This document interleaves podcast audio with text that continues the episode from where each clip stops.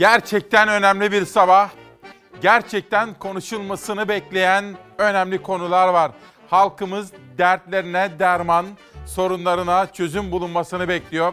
O nedenle boşa harcanacak tek bir gün, tek bir saat, tek bir dakikamız bile yok efendim. Hayır. Boş gündem maddeleriyle oyalanacak değiliz. Ülkemizin çözüm bekleyen sorunlarını gündeme taşımaya çalışacağız. Ülkemizin gerçekleri. Günaydın. 23 Aralık 2020 Çarşamba sabahında İsmail Küçükkaya ile Çalar Saat'e Demokrasi Meydanı'na hoş geldiniz. Ülkemizin gerçeklerini konuşacağız bu sabah. Mesela ekonomi, asgari ücret. TÜİK açıkladı. Acaba Arzu Çerkezoğlu ne dedi?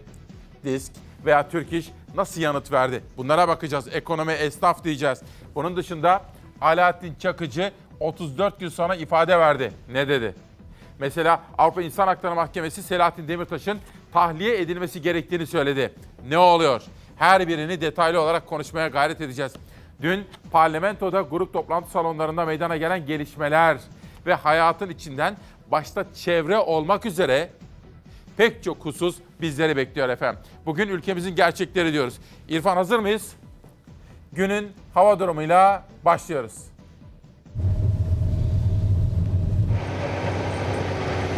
Tüm Türkiye'yi etkisi altına alan kuraklık nedeniyle gelen yağış haberleri sevindirdi. Yurdun doğusunda kar yağışı var. Doğu Anadolu'nun neredeyse tamamında kar yağışı bugün de etkili olacak.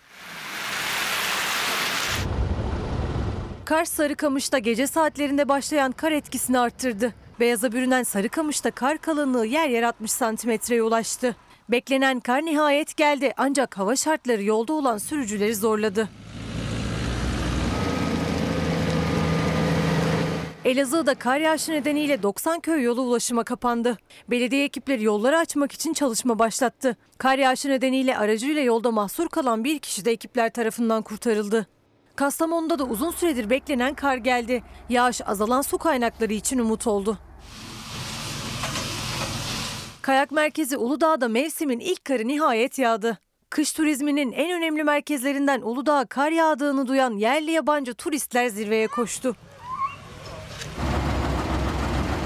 En önemli geçiş güzergahlarından Bolu Dağı'nda da kar yağışı etkili oldu. Sürücüler zor anlar yaşadı. Bazı araçlar yolda kaldı. Tunceli'nin dağ köylerinde de kar kalınlığı yaklaşık 30 santimetreye ulaştı. Dağ köylerinde küçükbaş hayvan yetiştiriciliği yapan besiciler zorlu kış şartlarında mücadele ediyor. Tüm yurtta kara kış etkisini iyiden iyiye gösterirken Antalya'da hava sıcaklığı 20 dereceye yaklaştı. Güneşli havayı fırsat bilenler sahillere koştu. Hafta ortasında Marmara bölgesinde İstanbul'da bulutlar artıyor. Karadeniz'in tamamında yağış var. Ankara'da da zaman zaman sis etkili olacak. Bu sabah hava durumunu Derya Özcan takip etti. Başkaca haberler, detaylar var. Barajlarla ilgili de güncellemeleri biraz sonra sizlere anlatacağım. Günaydın. Maviyi sevenlere günaydın diyorum. Pelin Hanım da uyanmış. Yusuf Akdeniz. Ülkemizin gerçekleri sürekli gelen zamlar ve eriyen işçi maaşları demiş. Sizler de bize katılım gösterebilirsiniz. Ülkemizin gerçekleri nelerdir diyor ve Hürriyet gazetesiyle manşetlere başlıyorum. Türkiye'nin aşısı hazır. Korona aşısını bulan Profesör Doktor Uğur Şahin, Türkiye için yeterli sayıda aşı depoladıklarını, yıl sonuna kadar Ankara ile imza atmak istediklerini söyledi.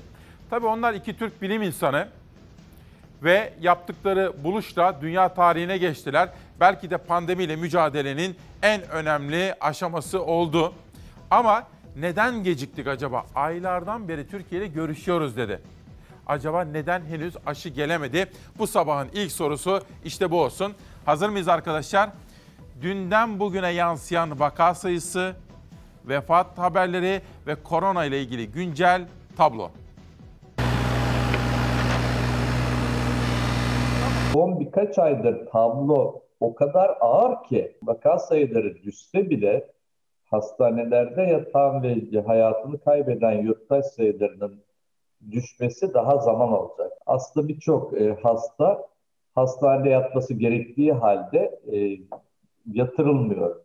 Hastanede yeterli yatak olmadığı için. İstanbul Tabip Odası'na göre hastaneler hala çok yoğun. İstanbul Valisi Ali Yerlikaya'ya göre ise İstanbul'da vaka sayısı geçen hafta %40 azaldı. Aylardır İstanbul salgının merkezi ve vakaların yarısından çoğunun İstanbul'da olduğu biliniyor. Ancak vaka sayılarındaki bu sert düşüş henüz tabloya yansımadı. Son 24 saatte 251 hasta daha yaşamını yitirdi. Covid-19 salgını ikinci dalgasının zirve noktasını geride bıraktık. Hastanede yatan sayısı %40 oranında, yoğun bakımda yatan sayısı %25 oranında azaldı. Eğer siz salgının yayılmasını engelleyemezseniz, insanların hastalanmasını engelleyemezseniz bunun hastanede çözmeyi kalkmak gerçekten şey e, çözümsüzlük. İstanbul Tabip Odası Yönetim Kurulu üyesi Doktor Osman Öztürk'e göre bir süredir hastanelerdeki yoğunluk taşma noktasına geldiği için vaka sayısı 20 binin altına düşmüş olsa da hala vefat sayılarına yansımıyor. Sağlık Bakanlığı'nın tablosuna göre salgının başından bu yana 18.602 hasta hayatını kaybetti. İstanbul Tabip Odası'na göre ise can kaybı çok daha fazla. Bu dönemde İstanbul'da olsun, diğer şehirlerde olsun geçmiş yılların ortalamasının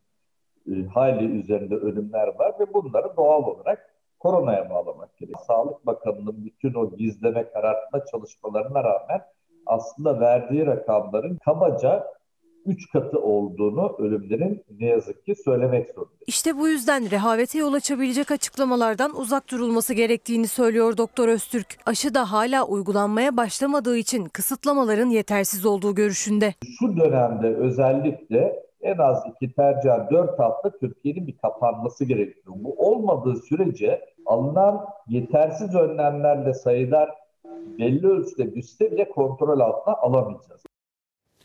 Bu konuyu detaylı olarak konuşacağız. Mutasyona uğrayan virüs, aşı ve aşının etkinliği konusu bu sabahki ana gündem maddelerimizden birisi.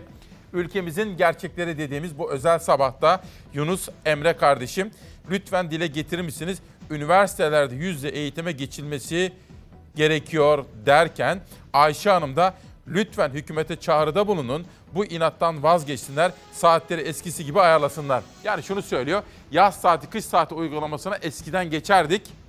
Yeniden geçelim diyorlar. Mesela şöyle dışarıya bir baksak. Bakın ne demek istediğimizi şöyle anlatalım. Saatleri geriye almış olsak şimdi. Saat 08 ya.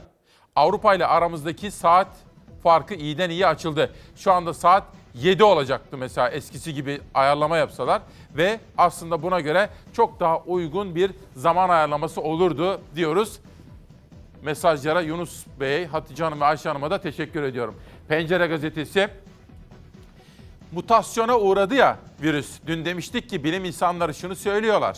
Hatta Sinan Adıyaman buraya katıldı. Mutasyona uğramasından fazla kaygılanacak bir şey yok. Virüsün kendisinden kaygılanmaya devam edelim. Özellikle Sağlık Bakanı en son dün şunu açıkladı. Virüs artık en fazla evlerde bulaşıyor dedi. Buna dikkatinizi çekmek istiyorum. Ev içi bulaşma oran ve hızı çok artmış. Evlerde dikkat etmemiz gerektiğinin altını çiziyor Sağlık Bakanı. Pencereden okuyorum. Bilim insanlarına göre aşı mutasyon üzerinde de etkili. Birçok ülkede koronavirüs aşılarının mutasyona uğrayan COVID-19'a karşı etkili olup olmayacağı tartışılırken Rusya Sputnik aşısının mutasyona uğrayan virüse karşı etkili olacağını söyledi. Bunu bir küçültelim. Burada hocamızın bir açıklaması var. Bakın salgının bitmesi için beklediğimiz mutasyonun başlangıcı olabilir diyor. Şöyle bir dolun siz oraya. Ben de size yavaş yavaş... Heh, bravo. Mutasyona uğrayan koronavirüsle ilgili açıklama yapan Profesör Doktor Mehmet Ceyhan, bu mutasyon eğer gerçekten orijinal virüsten daha hızlı yayılıyor ise salgının bitmesi için beklediğimiz mutasyonun başlangıcı da olabilir. Çünkü o mutasyonda virüsün daha bulaşıcı ama zararsız hale gelmesini bekliyoruz. Yani ilk değişiklik gerçekleşmiş olabilir diyor efendim. Soru şu. Aşılar geldi ya. Türkiye'ye gelmedi. Keşke bir an evvel gelse. Hükümetimiz, Sağlık Bakanlığı daha fazla gecikmese diyorum. Aşı mutasyona uğramış virüs karşısında da etkinliğini koruyor. bu virüs hani bulaştırıcılığını artırdı ve çocuklarda da taşıyıcılık var ise o vasıtayla da bulaşma riskinde artış söz konusu olabilir. Gibi yeni yeni gözlemler İngiltere'de mutasyona uğradığı ortaya çıkan koronavirüs %70 daha bulaşıcı. Üstelik yine İngiltere'deki araştırmaya göre çocuklara bulaşma eğilimi de eskisinden daha yüksek. Başta Avrupa, dünya gözünü aşıların etkinliğine çevirdi. BioNTech Pfizer aşısını geliştiren Türk bilim insanı Profesör Doktor Uğur Şahin, aşı mutasyona uğramış virüse karşı da etkili dedi. Ancak o aşının Türkiye'ye gelmesine daha çok vakit var. Ufukta en yakın aşı Çin aşısı. Genellikle aşılar tek bir türde antikor zaten oluşturmuyorlar. Birden fazla değişik bölgesine karşı antikor oluşuyor virüsün. Çin aşısında da bütün virüs öldürülerek vücuda verildiği için e, muhtemeldir ki çok farklı bölgelere karşı antikor ortaya çıkıyor. Yani en kötü senaryoyu söylüyorum. Aşının etkinliği %90'dan bir miktar azalır. Saptandığı zaman da o zaman aşı ona göre modifiye edilir. Yeni virüsle aşı yapılır. Türkiye'de aşıların klinik çalışmalarını da yürüten enfeksiyon hastalıkları uzmanı Profesör Doktor Murat Akova'ya göre mutasyonun aşıların etkinliğini ortadan kaldırması düşük bir ihtimal. Yani beklenen Çin aşısı Türkiye için hala büyük bir umut. 11 Aralık'ta geleceği açıklanmıştı, ertelendi. Brezilya ise Çin aşısının faz 3 çalışmasını tamamlayan ilk ülke oldu. %50 etkinlik barajının aşıldığı yani aşının işe yaradığı açıklandı. Virüsün kendi canlılığını sürdürmesi için gerekli olan şeyler de değiştiği için bazen virüs hakikaten kendi kendini de yok edebiliyor. Bunların hepsi şu anda bir spekülasyon varsayım. Bunlardan hangisi gerçekleşecek onu bilmiyoruz. Mutasyona uğrayan virüs için en olumlu senaryo bu. Virüsün gücünü kaybetmesi. Dünya Sağlık Örgütü de ölümleri arttırdığına dair henüz bir kanıt olmadığını açıkladı. Ancak her ihtimalin üzerinde duruluyor. İngiltere'nin dışında 6 ülkede daha rastlandığı biliniyor. Ancak uzmanlara göre her yere yayılmış olabilir. Eylül'den beri ortalarda olan, Kasım'da yaygınlaşmış bir virüs. E o zamandan bu zamana seyahatte ciddi bir kısıtlama yoktu. Her ülkenin kendi içinde bununla ilgili çalışmalar yapması öneriliyor. 14 Aralık'tan itibaren İngiltere'den gelen tüm yolcuların tespiti yapılmıştır. 4603 yolcunun bilgileri sisteme aktarılarak ikametleri ve kaldığı otellerinde izolasyona alınmışlardır.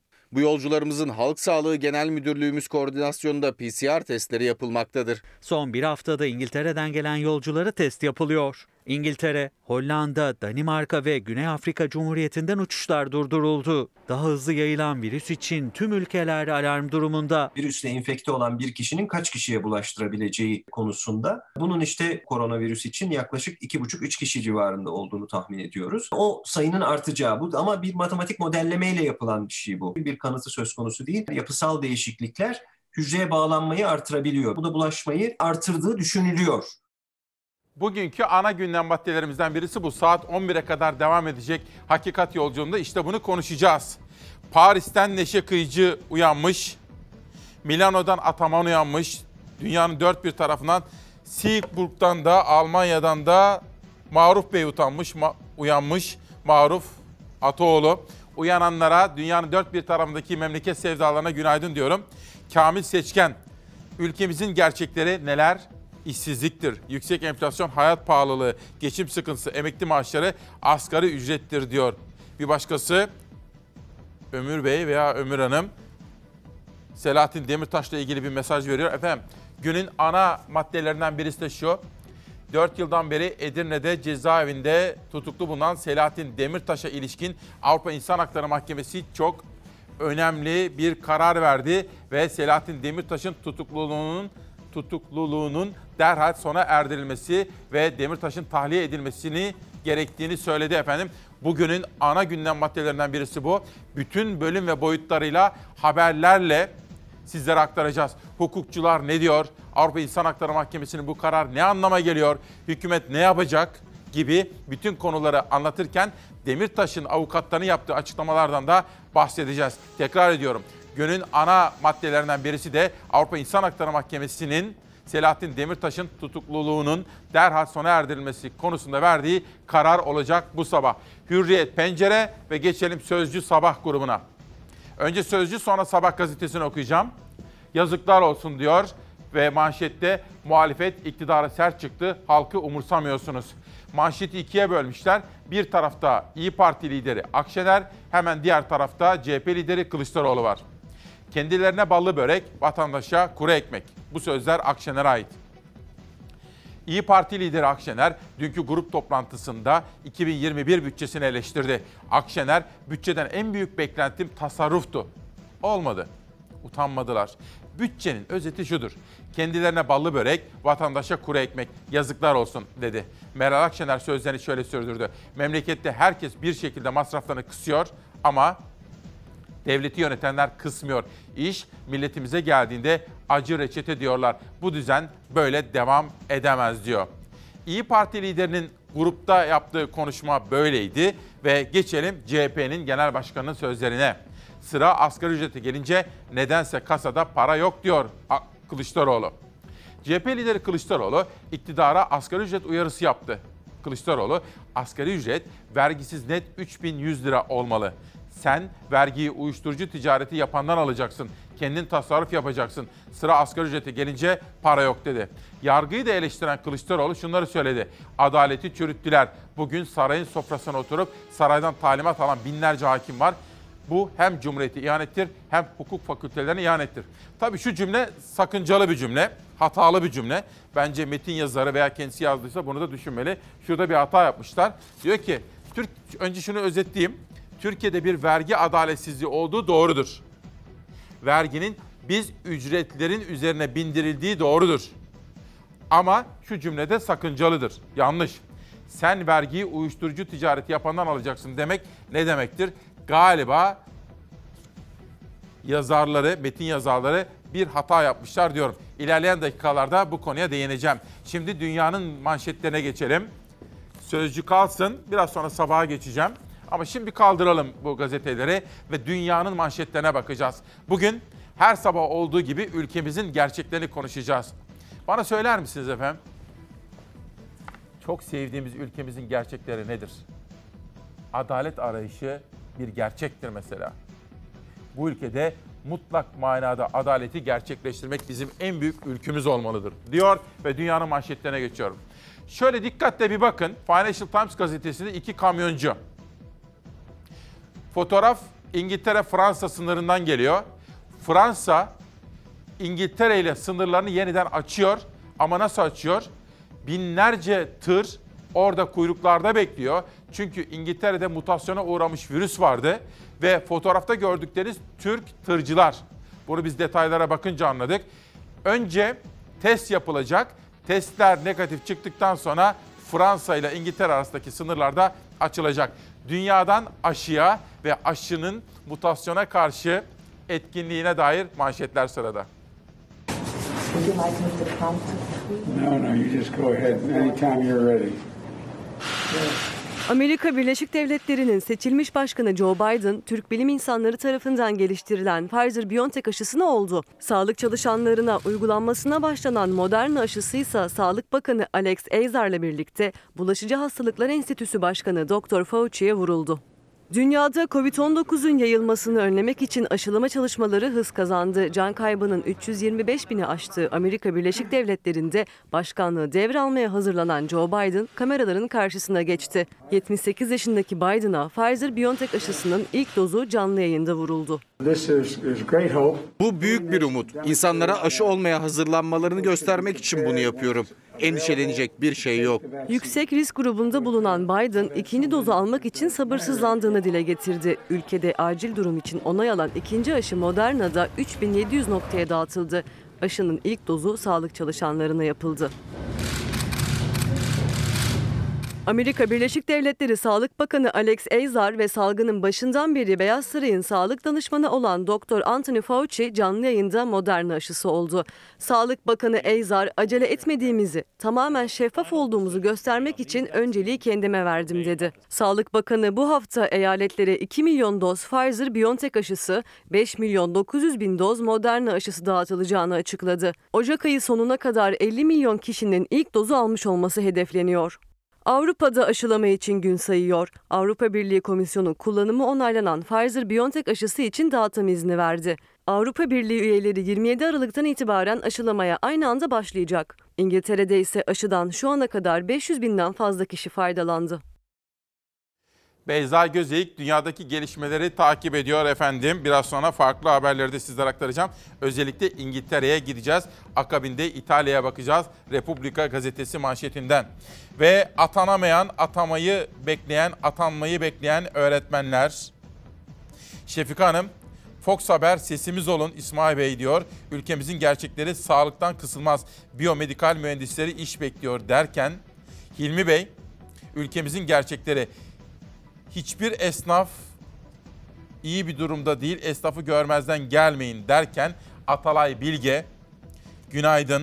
Ülkemizin gerçekleri pahalılık, işsizlik, adaletsizlik. İşte bunları konuşmamız gerekiyor. Başka gazete ve televizyonlarda bunları detaylı konuşmadıkları için bizim yükümüzün daha ağırlaştığının farkındayım. Ülkemizin gerçekleri. Sizler söyleyin efendim.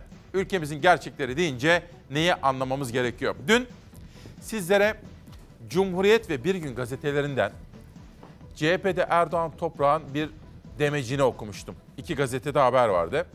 Bunu çok önemsiyorum demiştim. HES kodu. Olay şu. Hangi mahallede oturuyorsunuz? Diyelim Pınar Mahallesi, Soğan Sokak, bilmem ne bilmem ne bilmem ne, No 5, Sarıyer diyelim mesela. Ya da diyelim İzmir, Bornova diyelim, Urla diyelim mesela. Yeni bir uygulama söz konusu. Bu adres uygulamasını kaldıracaklarmış. Bir HES kodu vereceklermiş bize. Erdoğan Toprak ki CHP liderinin de yakın çalışma arkadaşı ve kurmayıdır bir kuşkusunu dile getirmişti. Ben de sizlere bu konuyu takip edeceğime söz vermiştim dün sabah. Sırada bu haber var. Neden kuşkulanmalıyız? O işin peşini bırakmamalıyız. Ama önce sabaha geçelim. Sabah gazetesinin manşetinde Türkiye'ye çifte aşı güvencesi. Ama nerede aşımız? Ben merak ediyorum aşı niye gelmedi Türkiye hala? Dünya mutasyona uğrayan ve daha hızlı yayılan virüs kabusunu yaşarken Çin, Sinovac ve Alman BioNTech'ten Türkiye'nin aşıları hazır garantisi geldi. Türkiye'nin talebini karşılayacağız diyor. Sinovac Genel Direktörü ile yapılan bir açıklama, oradan gelen bir demeç ve aynı şekilde Şahin, Almanya'daki aşıyı bulanlar yeterli doz aşıyı depoladık diyor. Ama şunu da söylüyor, aylardan beri Türkiye ile görüşmelerimiz devam ediyor diyor efendim. İşte dün sizlere söz verdiğim adresi kaldıralım. HES kodu uygulamasına geçelim. Uygulamasının arkasında bir numara var mı yok mu? Adres Daire Başkanlığı pandemiyi de bahane ederek herkese 9 haneli bir kod vererek artık adresi ortadan kaldırdık diyor. Bu bir seçim hazırlığıdır. Bu bir seçimi yönlendirmedir. Seçmen kütükleri adres ve isim bilgisiyle kontrol edilemez hale getirilecek 9 rakamlı adres koduyla sahte, hayali, adreste yaşamayan seçmenlerin takibi zorlaşacak. İşte bu önemli iddiayı CHP Genel Başkanı Başdanışmanı Erdoğan Toprak gündeme getirdi. İktidarın olası bir seçim için hile hazırlığında olduğunu iddia etti. Ölülere oy kullandırılan bir ülkede mükerrer seçmenin oy kullandığı bir yerde 9 haneli rakamla bu iş haydi haydi olur. Çok basit olur.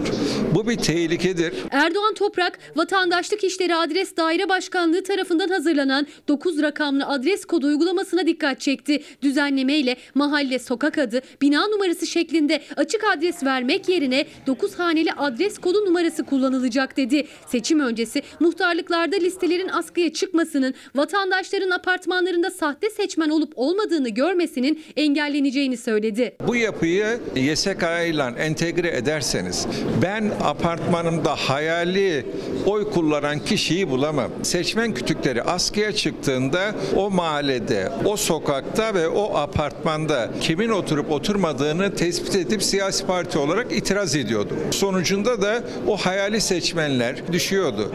Ama bu sistemden düşmeyecek. Toprağa göre kanunla hayata geçmesi gereken düzenleme daire başkanlığının çalışmasıyla hayata geçirilmeye çalışılıyor. Üstelik iddiaya göre 9 rakamlı adres kodu her vatandaşın özel yaşamı, postasından kargosuna, kredi kartı harcamalarına kadar takip edilmesine olanak sağlıyor. Bakın bu konu son derece kritik. Erdoğan Toprak başkalarının dikkatini çekmeyen bir önemli hususu yakalamış. Bu konuyu takip etmeliyiz diyorum. Ve danışmanımdan gelen mesajlar var bakın.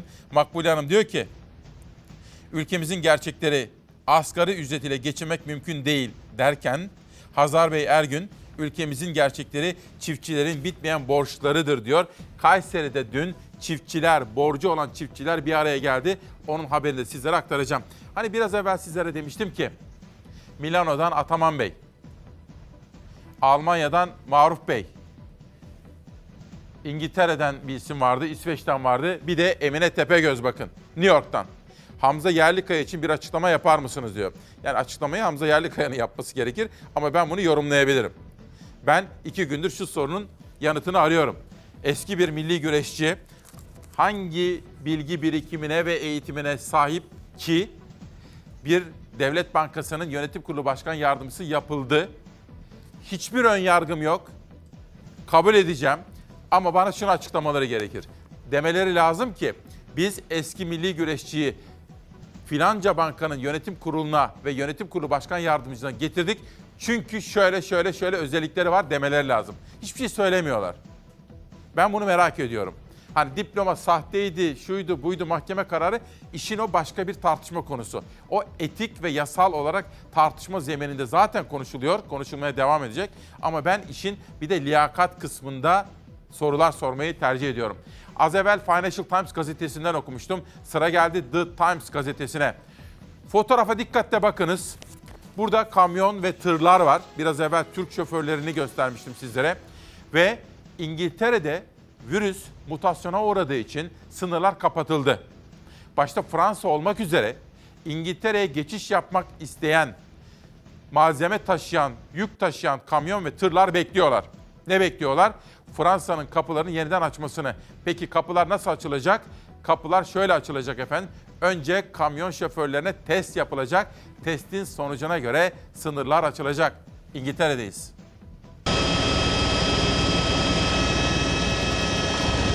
Fransa, İngiltere'ye sınırlarını kapattı. Türkiye dahil birçok ülkeye ait tırlar kilometrelerce kuyruk oluşturdu. Virüsün yeni mutasyonunun yarattığı endişeyle gelen yeni tedbirler sınır kapısını tır otoparkına çevirdi.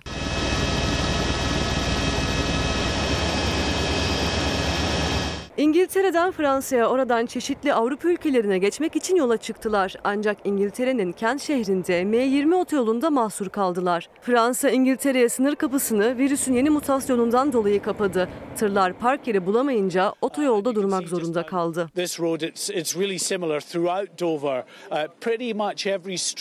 Türkiye dahil 50'den fazla ülkeye ait tır salı gününden beri Fransa-İngiltere sınırında beklemedi. Birçoğunun içindeki gıda ürünleri çürüme tehlikesiyle karşı karşıya kaldı. Boris Johnson tedbirleri haklı bulduğunu ifade ederek Fransa Cumhurbaşkanı Macron'la görüştü. Sorunu kısa bir sürede çözeceğiz açıklamasında bulundu. Fransa Ulaştırma Bakanlığı İngiltere ile sınırlarını bugün açacak protokolü imzaladı. Tır şoförlerine bugün itibariyle hızlı test yapılacak. Testi negatif çıkanların Fransa'ya geçmesine izin verilecek. Fransa Ulaştırma Bakanı daha fazla mağduriyet yaşanmaması için belirli aralıklarla test merkezleri kurulacağını söyledi. Çok sayıda gıda taşıyan tırların beklemesi, testi pozitif olan şoförlerin geri döndürülecek olması, Avrupa'da yeni yıl öncesi yeterli gıda lojistiğinin sağlanamaması endişesini de beraberinde getirdi. İçinde Türk tır şoförlerinin de olduğu binlerce kişiden test sonuçları çıkana kadar sınırdan uzak durmaları istendi. Bir öğretmenimizden de bir mesaj var. Onun şahsında bütün öğretmenlerimizi kutlayalım. Fakat Cemo da diyor ki İsmail abi diyor haberin kaynağını söylemedin. HES kodu ile ilgili ilk soruyu sana ben sormuştum diyor Cem, Cemo. Ona da teşekkür ediyorum. Günaydın. Öğretmenimiz Banu Civelek Bakır. Uzaktan eğitim için derse hazırlanıyor. Onun bir sevdiği yazmış bana. Tüm öğretmenlerimizin onun şahsında doğum gününü kutlayabilir miyiz diyor.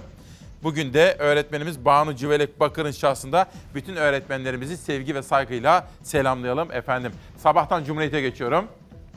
Cumhuriyet'in manşetinde yüzleri de kızarmıyor. Kılıçdaroğlu Cumhuriyet'in duyurduğu sahte diploma skandalına mecliste böyle tepki gösterdi. Az evvel New York'tan yazan izleyenimizin sorduğu soru Cumhuriyet'in manşetinde. CHP lideri Kılıçdaroğlu, İrfan Fidan'ın Anayasa Mahkemesi üyeliğine seçilmesi için tezgah kurulduğunu belirterek arkasında kirli ilişkiler bulunan bu kişi sarayın talimatıyla Yargıtay'da 107 militanın oyunu alıyor. Utanç tablosu. Erdoğan gelecekteki mal varlığı soruşturması için hazırlık yapıyor dedi. Kılıçdaroğlu sahte diploma kullandığı ortaya çıkan Hamza Yerlikaya için de bu adam sahtekar, tam bir Yavuz hırsız. Bence Merkez Bankası Başkanı yapmalıyız ifadelerini kullandı. Erdoğan'ın yalanlarla sarayda iktidarını korumaya çalıştığını belirten Kılıçdaroğlu kitlene bir bak çoğu aç dedi efendim. Cumhuriyet Gazetesi'nden sonra Türk Günü'ne geçelim. Bugün hem Yeni Şafak gazetesi hem Türk Gün gazetesi telaşa gerek yok babında sakinleştirici manşetlere imza atmışlar. Koronavirüsün mutasyona uğradığı iddiaları yeni tedbirleri beraberinde getirdi. Sağlık Bakanlığı bazı ülkelerden uçuşları askıya alırken havadaki yolculara da izolasyon uyguluyor. Uzmanlar da aşıların yeterli olduğunu ve mutasyona uğradığı halde etkinliğini kanıtladığını söylüyor efendim. Sırada HDP haberi var. HDP'nin kapatma çağrısı biliyorsunuz Devlet Bahçeli'den gelmişti. İktidar böyle sessiz kaldı. Bir tek Numan Kurtulmuş bir açıklama yaptı. Kapatmaların Türkiye'ye fayda sağlamadığını gördük dedi. Ama MHP bu konudaki ısrarını sürdürüyor. Parti kapatmaların Türkiye'de geçmişte çok e, olumlu sonuç vermediği görüldü.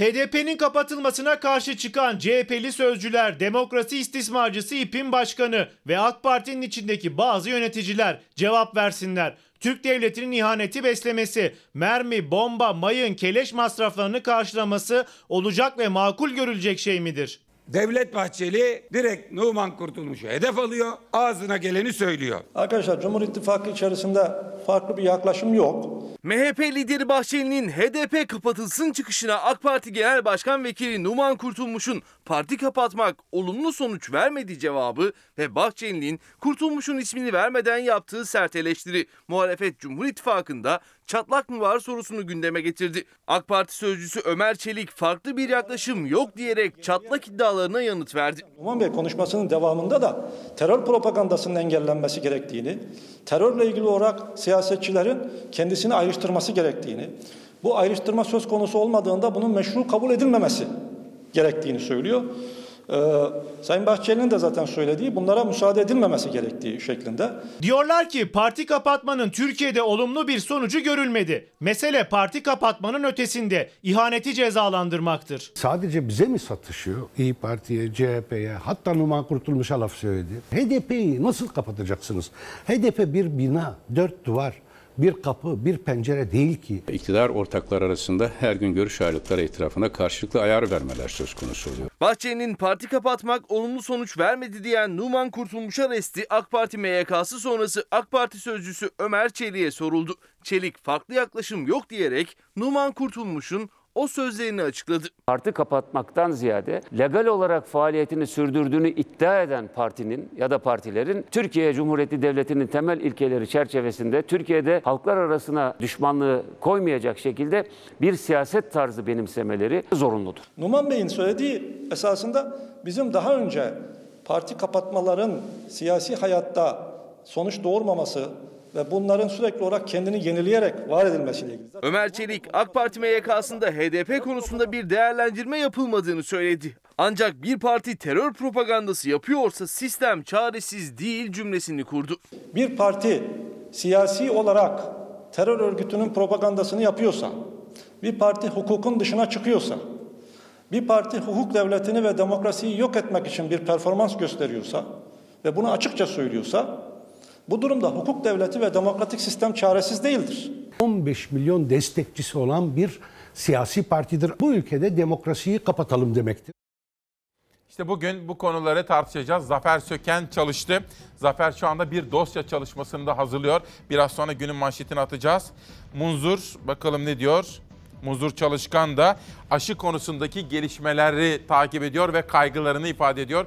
Hükümeti de bu konuda elini çabuk tutmaya davet ediyor Munzur Çalışkan. Sıra geldi Türk Gün'den bir güne.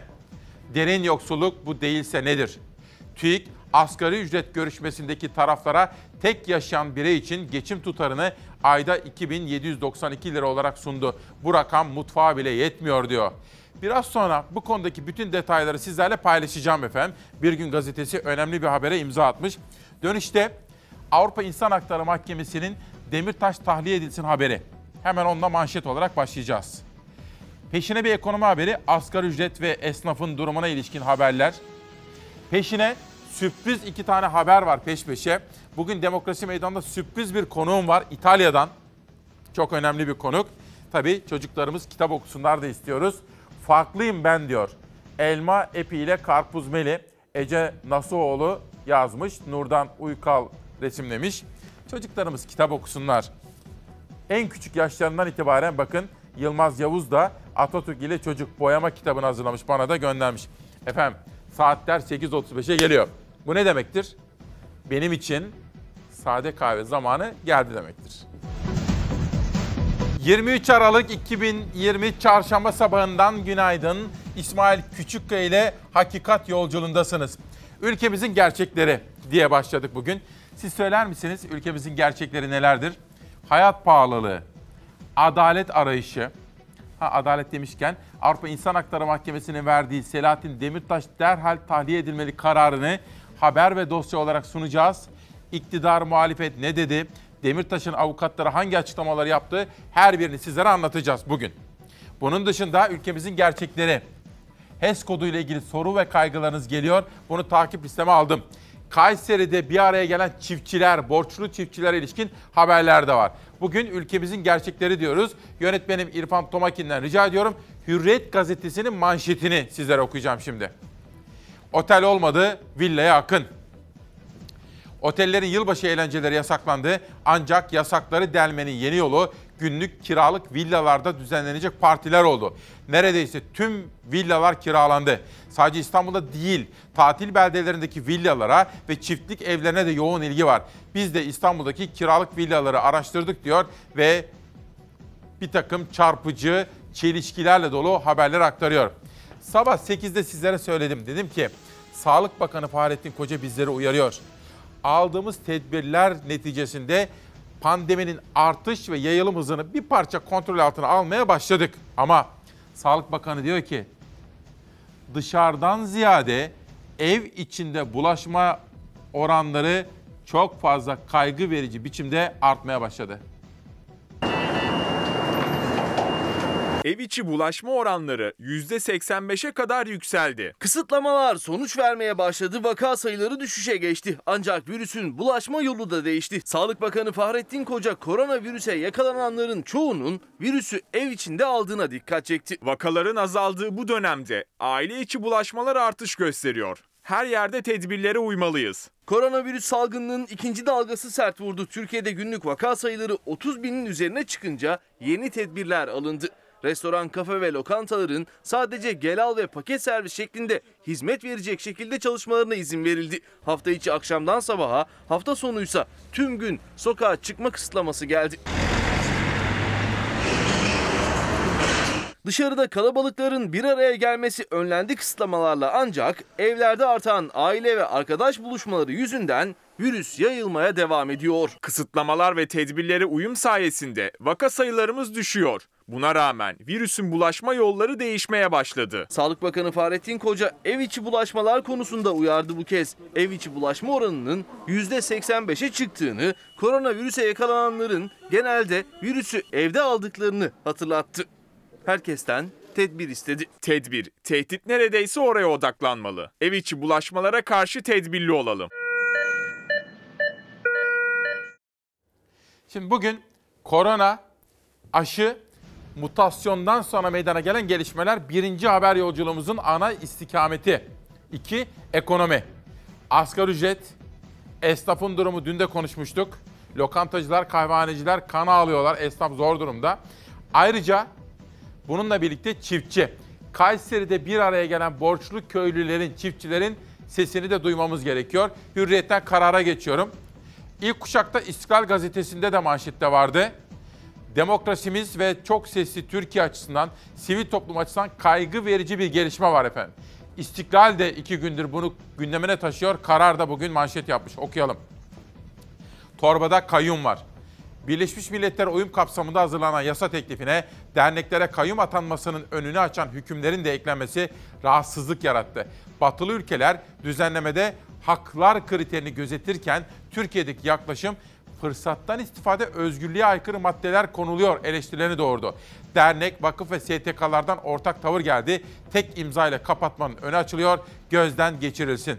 Tam da hükümetin reform, hukuk reformu, adalet gibi kavramları gündeme taşımaya çalıştığı günlerde sivil toplum konusunda kaygı verici bir gelişme bu. İstiklal Gazetesi'nde de, Karar Gazetesi'nde de, başka pek çok yerde de manşet olarak yer almış. Sivil toplum, STK dediğimiz sivil toplum kuruluşları demokratik ve çok sesli hayatın vazgeçilmez unsurlarından biridir. Ve oralara özellikle sesini gür çıkarmaya çalışan sivil toplum örgütlerine kayyum atanma girişimi ve böylesine bir düzenleme reform çabalarını sekteye uğratır diye eleştiri konusu yapılıyor ki ben de bu eleştirilere katılıyorum. Bu düzenleme son derece sakıncalı. Hele ki hükümetin hukuk reformu dediği bu günlerde demokratik hayatımız açısından sıkıntılarla dolu diye düşünüyorum. Sırada çiftçimizin haberi var. Köylümüzün patates üreticisinin sesi. Bankalar artık tallarımızı satlığa çıkar, tallarımızı satıyor. Traktörlerimizi götürüyor. Biz nasıl çiftçilik yapacağız? Ne yapmamız gerekiyor? Kredi borçları haciz baskısı. Her geçen gün çiftçilerin geçim sıkıntısı, gelecek kaygısı artıyor. Acı bir haciz öyküsü de Niğdeli patates üreticisi Mahir Ozanbaş'tan geldi. Ozanbaş şu soruyu sordu yaşadığı durumu anlatırken. Çiftçilik yaptıysak suç mu işledik? Buyurun. Patatesimizin hali bu. Bekletiyoruz depoda. Ne zamana kadar bekleteceğiz bilmiyorum. Bizlere yazık değil mi? Çiftçilik yaptıysak suç mu işliyoruz? Emek ve alın teri depoda öylece bekliyor çiftçi Mahir Ozanbaş'ın. Ürettiği patatese 60 kuruşa alıcı bulamadığını, dev şirketlerin üreticinin elindeki patatesleri nasıl ucuza kapattığını anlatıyor. Patates 45-50 kuruş. 60 kuruş. Alıcısı yok. Bugün dev şirketler de patatese el attı. Dev şirketler 30 bin 40 bin ton mal kaldırıyorlar. Tohum üretimi adı altında. Ama bunun hiçbir denetlemesi yapılmıyor. Devlet tarafından denetim yapılmadığı için adamlar rahat rahat 40-50 bin ton mallarını Nevşehir'in kavak depolarına götürüp orada bekletip çiftçinin elindeki malın ucuza kapatılana kadar, bitene kadar adamlar işini biliyor.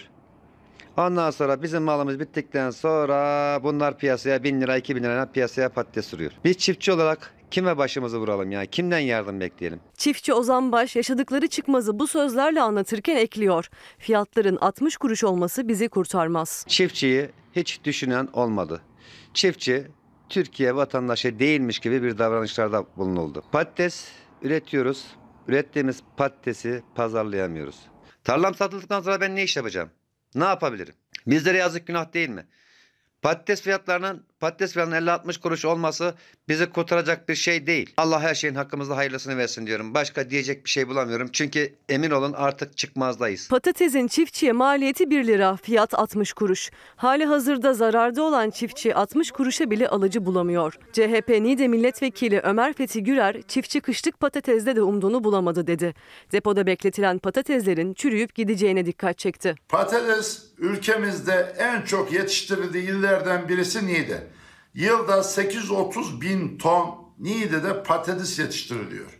Bu kayıt dışıyla 1 milyon tona kadar uzanıyor. Niğdeli üretici ürettiği patatesi değerine satamadıkça her yılda patates ekim alanlarının yerine farklı ürün ekme çabası içinde oluyor. Bu yılda yazlık patateste para kazanamayan çiftçi kışlık patateste de umduğunu bulamadı. Yaklaşık 1 lira civarında bir maliyetle patatesini üreten çiftçi 60 kuruşa satamayınca gitti ürününü depolamak zorunda kaldı. Bu haberi Beyza Gözeyik takip etti. Biraz sonra asgari ücret haberi. Hemen peşi sıra Kayseri'de bir araya gelen borçlu köylülerle ilgili haberlerimiz var. Dün telefonda Nihal Kemaloğlu ile gündemi çalışırken Tarım Bakanı Pakdemirli'nin gazeteci yazar Nagihan Alçı'ya verdiği bir demeç Habertürk'te dikkatimizi çekti. Onu konuştuk. İkimiz de çok üzüldük. Çünkü bakan bence Cumhuriyet'in genç döneminin, ilk döneminin yaptıklarını tam olarak anlamamış. Türkiye'nin hiçbir zaman tarımda kendi kendine yeten ülkelerden biri olmadığı iddiasında. Oysa genç cumhuriyet öyle miydi ya? Ben de danışmanımın önerisiyle Önay Alpago'yu aradım. O zamanında kendisini bir izlemiş. Biraz bilgiler aldım ve yayına davet ettim Önay Alpago'yu. Ayrıca Eskişehir'den tanıdığım, saygı duyduğum bir tarihçiyle konuştum. Dedim ki hocam bana Cumhuriyet döneminin tarım politikalarını, Büyük önderimiz Atatürk'ün vizyonunu biraz anlatır mısınız? Bana bilgiler gönderdi. Bugün sizlere onları anlatacağım ki başta Tarım Bakanı olmak üzere dikkatleri üzerine çekmeye çalışalım. Ve Zeray Kınacı editörün bir son dakika bilgisini veriyor. İrfan hazır mıyız? Evet. Katma değer vergisinde indirimler 5 ay daha sürecek. Son dakikayı basalım. Tekrar ediyorum. Katma değer vergisinde indirimler 5 ay daha sürecek. İş yeri kiralama hizmetlerinde KDV %18 yerine %8. Konaklama hizmetlerinde KDV %8 yerine %1. Yeme ve içme hizmetinde KDV %8 yerine %1 olarak uygulanacak. Bunlar son derece önemli gelişmeler. Ama bir de bence sıkıntılı bir karar daha var. Onu da sizlere Savaş'tan okuyacağım. Yönetmen Savaş dedi ki Ozan Bingöl'den bir haber. Bugünkü resmi gazetede 23 Aralık'ta bir karar yayımlanmış. Covid-19 aşıları için uygulanacak KDV oranı %1 olarak belirlenmiş. Yani Covid-19 aşısına KDV mi uyguluyorlar? Bunu da bugün takip listemize alalım diyor ve sıradaki gazete için pencereye geçiyorum. TÜİK asgari ücret 2792 lira olmalı. Türkiye İstatistik Kurumu asgari ücret için yapılan 3. toplantıda ağır iş kolu için 2792 lira 10 kuruş. Orta iş kolu için 2507 lira 70 kuruş. Hafif iş kolu için de 2339 lira 10 kuruş olmasını önerdi. Sırada asgari ücret haberimiz var. Fakat bu haberi izlerken şunu da söylemek isterim. Gündem çalışmamızı yaparken Türk İş Başkanı'nın bu konudaki öneriye nasıl yaklaştığına bakmıştım. Ülkemizin gerçeklerini yansıtmıyor diyordu Türk İş Başkanı Ergun Atalay. Ben de ülkemizin gerçekleri diye etiketi oradan aldım. Sırada asgari ücret haberi var ama bir kitap tanıtımı yapmak isterim. Murat Başaran Hapishane ve Mahkeme Filmleri kitabını yazmış, imzalamış ve bize göndermiş. Sıradaki haberimiz asgari ücret için. Türkiye Cumhuriyeti Devleti'nde para var ama para asgari ücretliye verilmiyor. Yaptığımız hesaplara göre asgari ücretin en az vergisiz 3100 lira olması lazım. Biz olsaydık net 3000 lira asgari ücret önerimizi gerçekleştirirdik. Muhalefet liderleri 3 bin lira ve üzeri asgari ücret zam taleplerini yinelerken gözler 3. kez kurulan pazarlık masasındayken Türkiye İstatistik Kurumu asgari ücret önerisini açıkladı. Ağır işlerde çalışanlar için yani en yüksek asgari ücret 2792 lira olmalı dedi. %20 zammı işaret etti. Türk İş bu rakam kabul edilemez dedi. Sıra asgari ücrete gelince para yok. Türkiye Cumhuriyeti Devleti'nde para var ama para asgari ücretliye verilmiyor. Asgari ücretli çalışanlarımız enflasyona karşı kemer sıkarak ayakta durmaya çalışıyor. Milletimiz doğalgaz faturası vermemek için evde montla oturuyor, gece iki kat yorganla yatıyor. Beş müteahhidin işleri ters gitti mi borçlarını ödüyorlar. Kendilerine ballı börek, vatandaşa kuru ekmek. Yazıklar olsun hepinize. Esnafımıza 1000 lira destek ödemesi yapacağız. Esnafa reva görülen yardım 4 milyar lira civarında. Bu para 2021'de devletin faiz harcamalarına ayırdığı paranın 40'ta biri. Ülkemiz hazırlık devrini geride bırakıp artık şahlanış dönemine giriyor. Sen kendi kitlene dön bir bak. Çoğu aç, aç, aç. 21. yüzyılın Türkiye'sinde hiç kimse çöpten ekmek toplamamalı. Ayıptır, günahtır. 18 yıldır sarayda oturuyorsun. 50 bin avroluk çanta taşıyorsunuz. İyileştirilmiş ve güçlendirilmiş parlamenter sistemi milletimizle el ele inşa edeceğiz. İşte o zaman Türkiye o 5 müteahhite 30 milyar, milyonlarca çiftçimize 22 milyar lira ayıran bu vicdansızlıktan kurtulacak. Milyonlarca asgari ücretlinin 2021 zammı, esnafın, çalışanın, işsizin kirası, vergisi, faturası. Muhalefet ekonomiyi gündemden düşürmüyor. Asgari ücreti takip ediyoruz. Kayseri'ye gideceğim çiftçilerle ilgili. Fakat bu rahmetli Ecevit'in gündeme getirdiği köy kent projesi, çiftçinin topraklaştırılması, toprak sahibi yapılması, kooperatifleşmesi gibi temel kavramları hatırlatmak gerekiyor. İrfan son dakika vereceğim. Pirinçte ve çeltikte gümrük vergisi oranı düşürüldü. Tekrar ediyorum son dakika mührü basalım. Pirinçte ve çeltikte gümrük vergisi oranı düşürüldü. Ne demek efendim bu? Mesela gümrük vergisi oranı düşürünce ne oluyor? Bir tarım ürününde ya da herhangi bir üründe yurt dışından daha kolay getiriliyor. Vergisi düşüyor veya sıfırlanıyor. Bunun ne anlama geldiğini de gayet tabii ki hepimiz çok iyi biliyoruz değil mi efendim? Bilmeyen varsa biraz daha yorumlayalım. Sema Günaydın Çınar A'dan Z'ye meslekler resimleyen Dilara Kavaklıoğlu. İçinde gazeteciliğe ilişkin imzalı bir kitap. Gazeteciliğe ilişkin de bir bölüm var efendim. Sizlere ilerleyen dakikalarda bir parça okuyacağım. Sıra geldi çiftçiye. İzmir 9 Eylül, çarklar döndü, emekçiler öldü. İş Sağlığı ve İş Güvenliği Meclisi Genel Koordinatörü Murat Çakır, 2020'yi iş sağlığı ve iş güvenliği ile pandemi açısından değerlendirdi. Çakır, 2020 yılında 600 işçinin Covid-19'dan vefat ettiğini söyledi. Yusuf Özgür Bülbül'ün manşeti. Adana'ya geçiyorum. Toros, Bulut aşı gelene kadar virüs mutasyona uğradı diyor. CHP Adana Milletvekili Burhanettin Bulut'un aşı konusunda hükümeti eleştiren ve aşıyı zamanında yeteri kadar getiremedi dediği sözler manşette. Yine Akdeniz'deyim fakat Adana'dan Mersin'e geçiyorum. Hastanelerde biyomedikal teknisyeni zorunlu. Ha bir dakika çiftçi haberi bir beklesin. Yönetmenimden rica edeceğim. Atama haberi vardı paramedik. Hani biz zamanında birkaç kere paramediklerin başkanını İsmail Küçükkaya ile Demokrasi Meydanı'nda ağırlamıştık. Siz onu bula durun arkadaşlar. Hazır mı? Hazır mı? Ha çok iyi İrfan. Hemen atama bekleyen paramediklerin manşetini izleyelim. Çiftçi haberini hemen peşinden takip edeceğiz.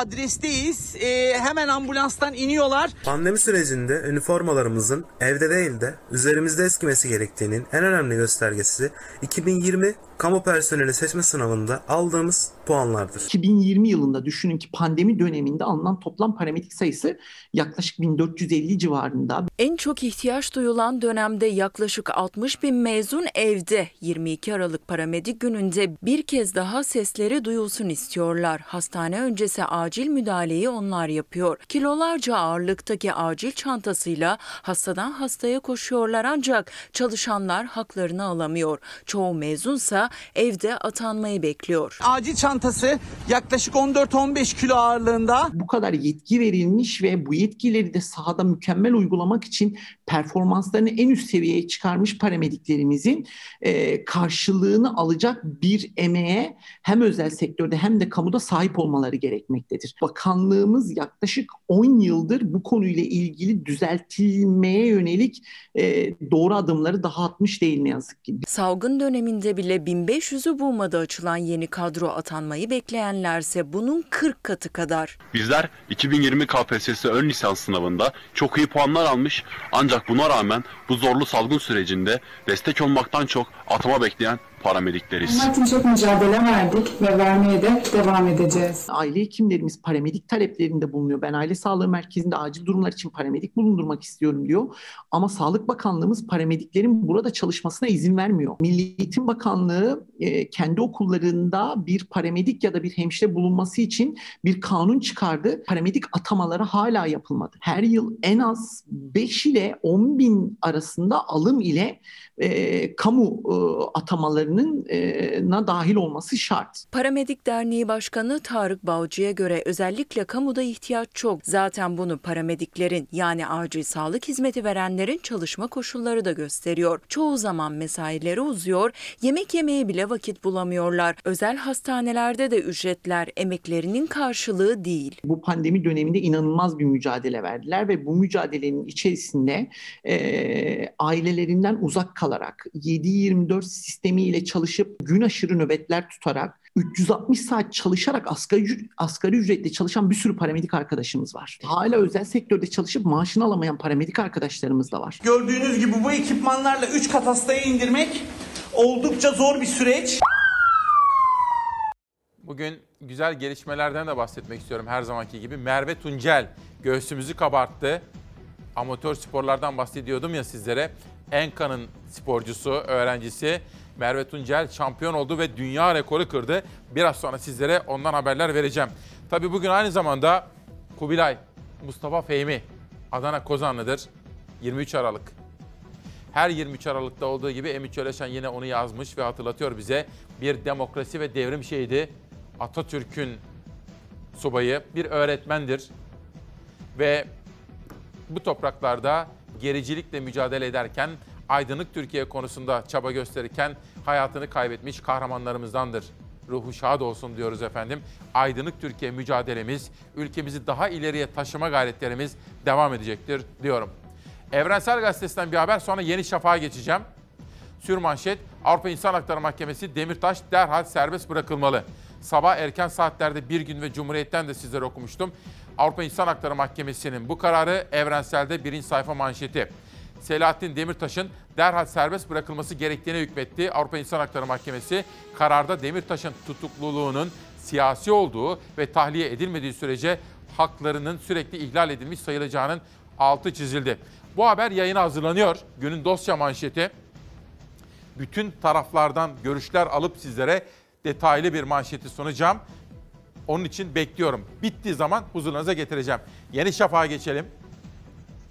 Mutasyondan korkmuyoruz. Türk Gün gazetesini 8'de okumuştum sizlere.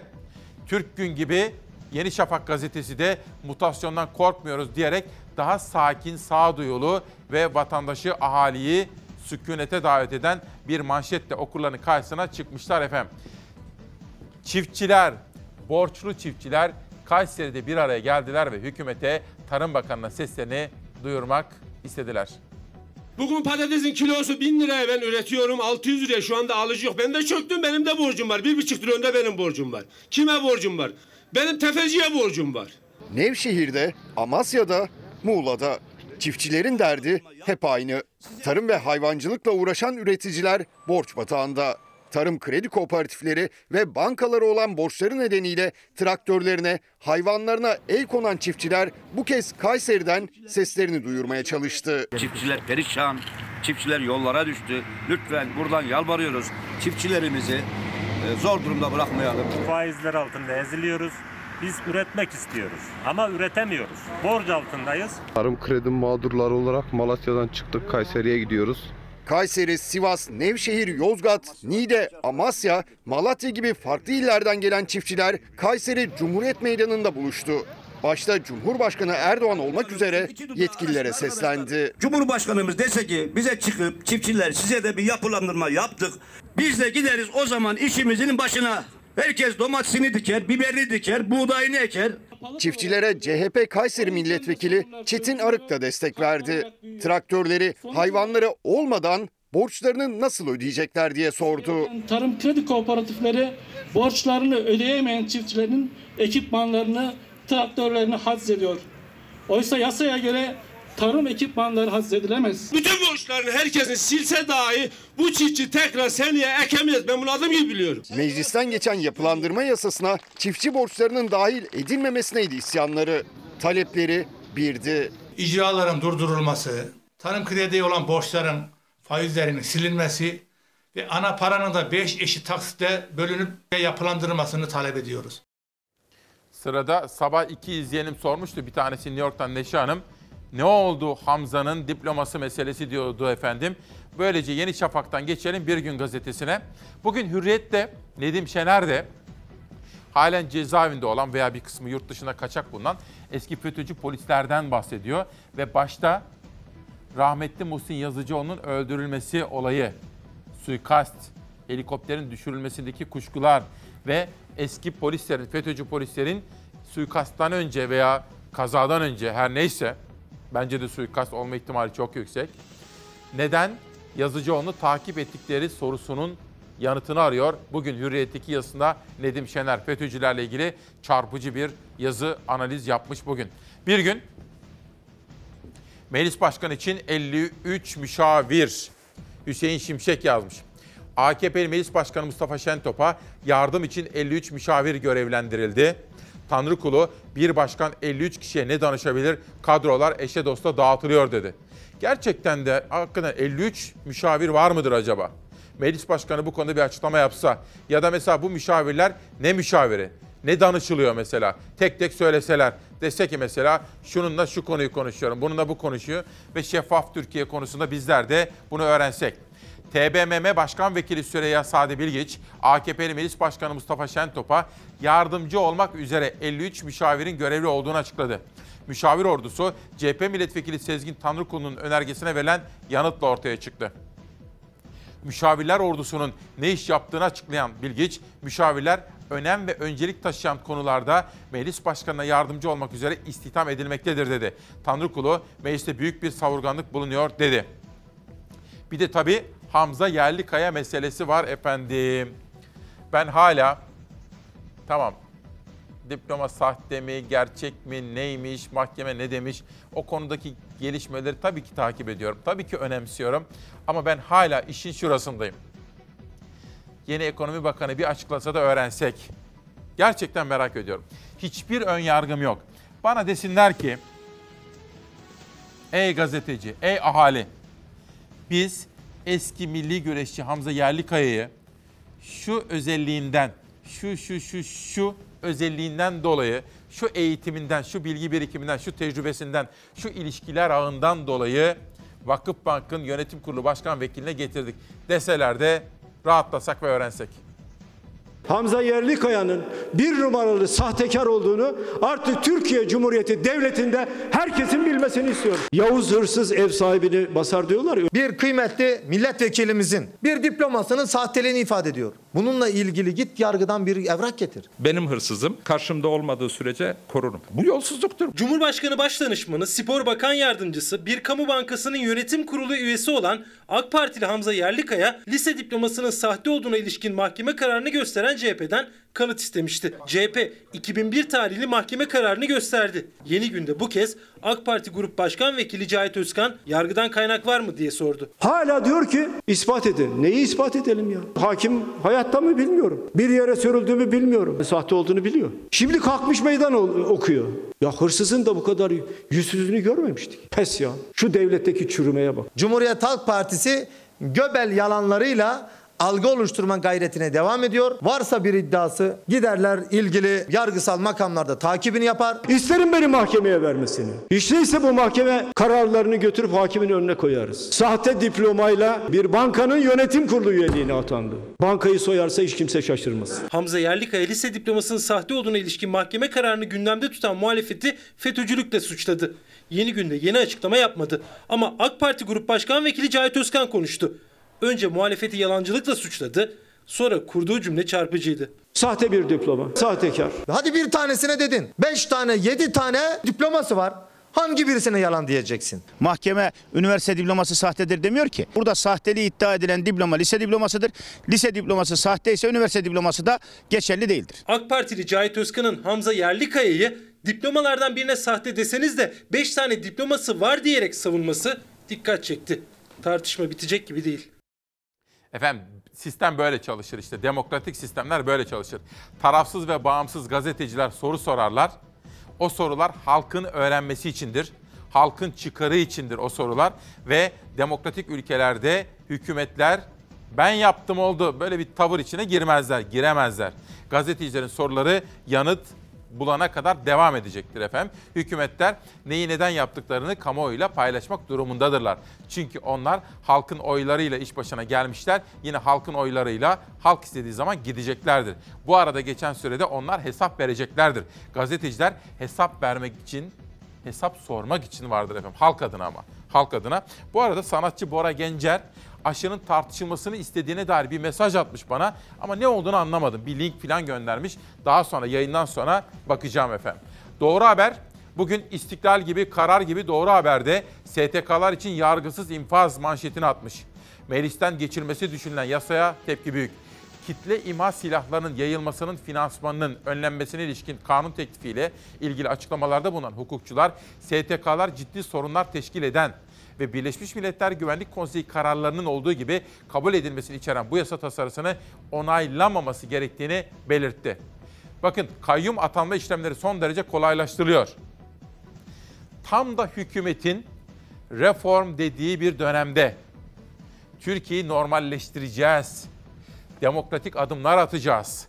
Hukuk reformunu gündeme getireceğiz dediği bir dönemde sivil toplum kuruluşlarına yani demokrasinin ve çoğulcu Türkiye'nin ana temel yapı taşlarına kolay yoldan kayyum atama girişimi ve bu girişimi gerçekleştirmeye olanak sağlayacak düzenleme kaygıları artırmaktadır.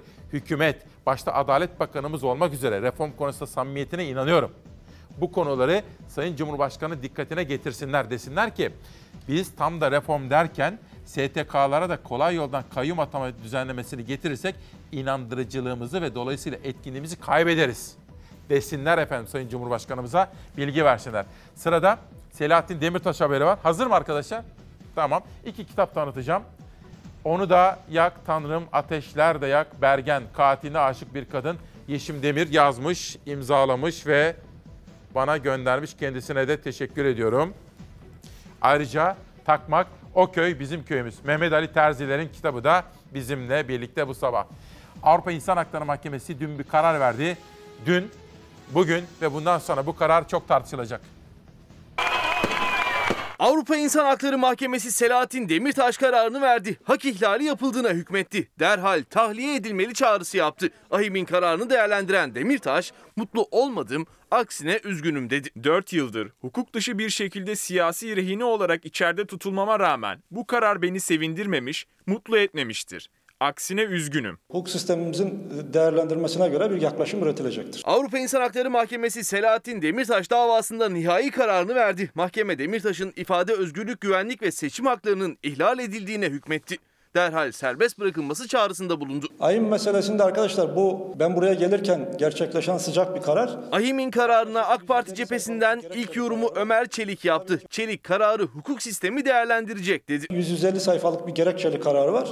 Tabii ki o gerekçeli kararı hukuk sistemimiz değerlendirecektir. Bu karar Türkiye'de hukuk ve adalet sisteminin bizzat hükümet eliyle çökertildiğinin de tescilidir. Ayim'in kararını avukatları aracılığıyla değerlendiren Selahattin Demirtaş ise karara sevinmediğini, aksine üzüldüğünü söyledi. Ortadan kaldırılan demokrasinin, yok edilen hukukun ve adaletin faturasını sadece ben ödemiyorum. 83 milyon yurttaşımız en ağır şekilde ödüyor.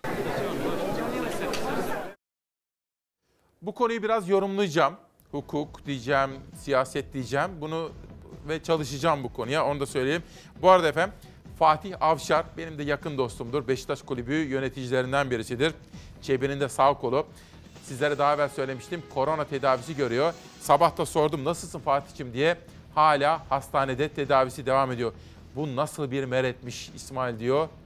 Daha fazla uyarılarda bulun diyor Fatih Avşar. Bu arada Nihal Kemaloğlu'ndan bir bilgi geldi. Maalesef Profesör Doktor Orhan Kural hocamızı koronavirüsten kaybetmişiz efendim. Tekrar ediyorum.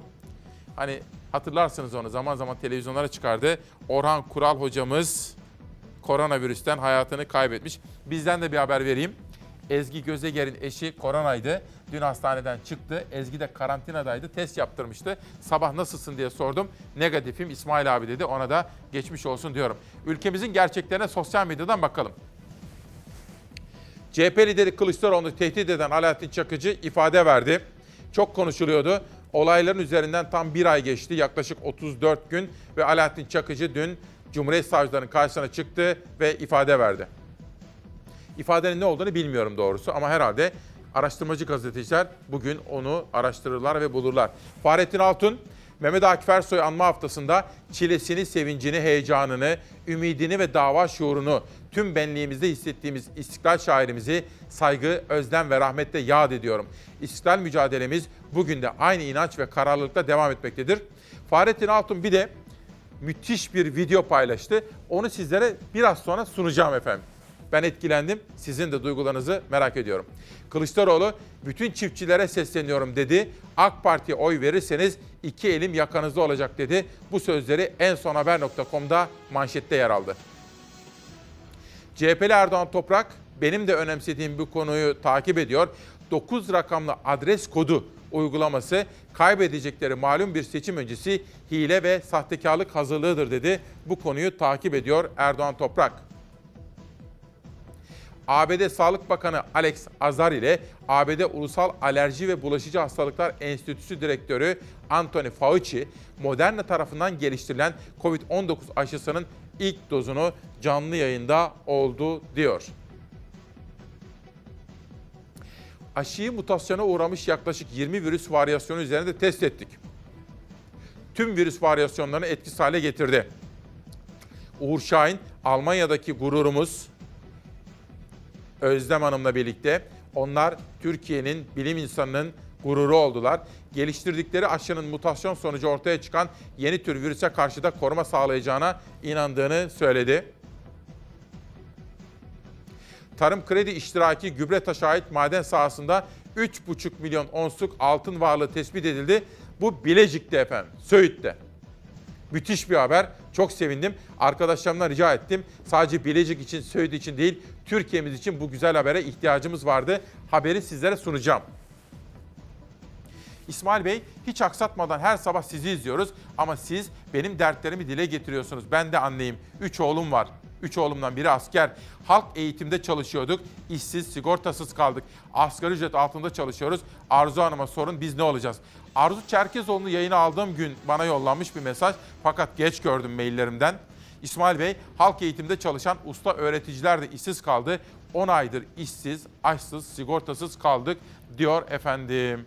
İşte bakın bu da aslında duyurmamız gereken haberlerden birisi. Aşıya dair haberler var. Bu arada bugün Habertürk'te Serdar Turgut da aşı olan ünlü isimlerin gazeteciler de dahil olmak üzere onların fotoğraflarını irdeleyen komik bence trajikomik unsurları da ifade eden bir yazı kaleme almış. Ama hazır Serdar Turgut'un yazısından bahsetmişken Ankara'da Hamit Turgut amcamızı o artık 93-94 yaşında rahatsızlıklar da geçiriyor. Hamit amcamı da sevgiyle buradan selamlıyorum. Ankara'ya da bir selamlarımızı gönderiyorum. Sıradaki haberimiz aşı özellikle gönüllü aşı olanlara dair. Geçmiş olsun.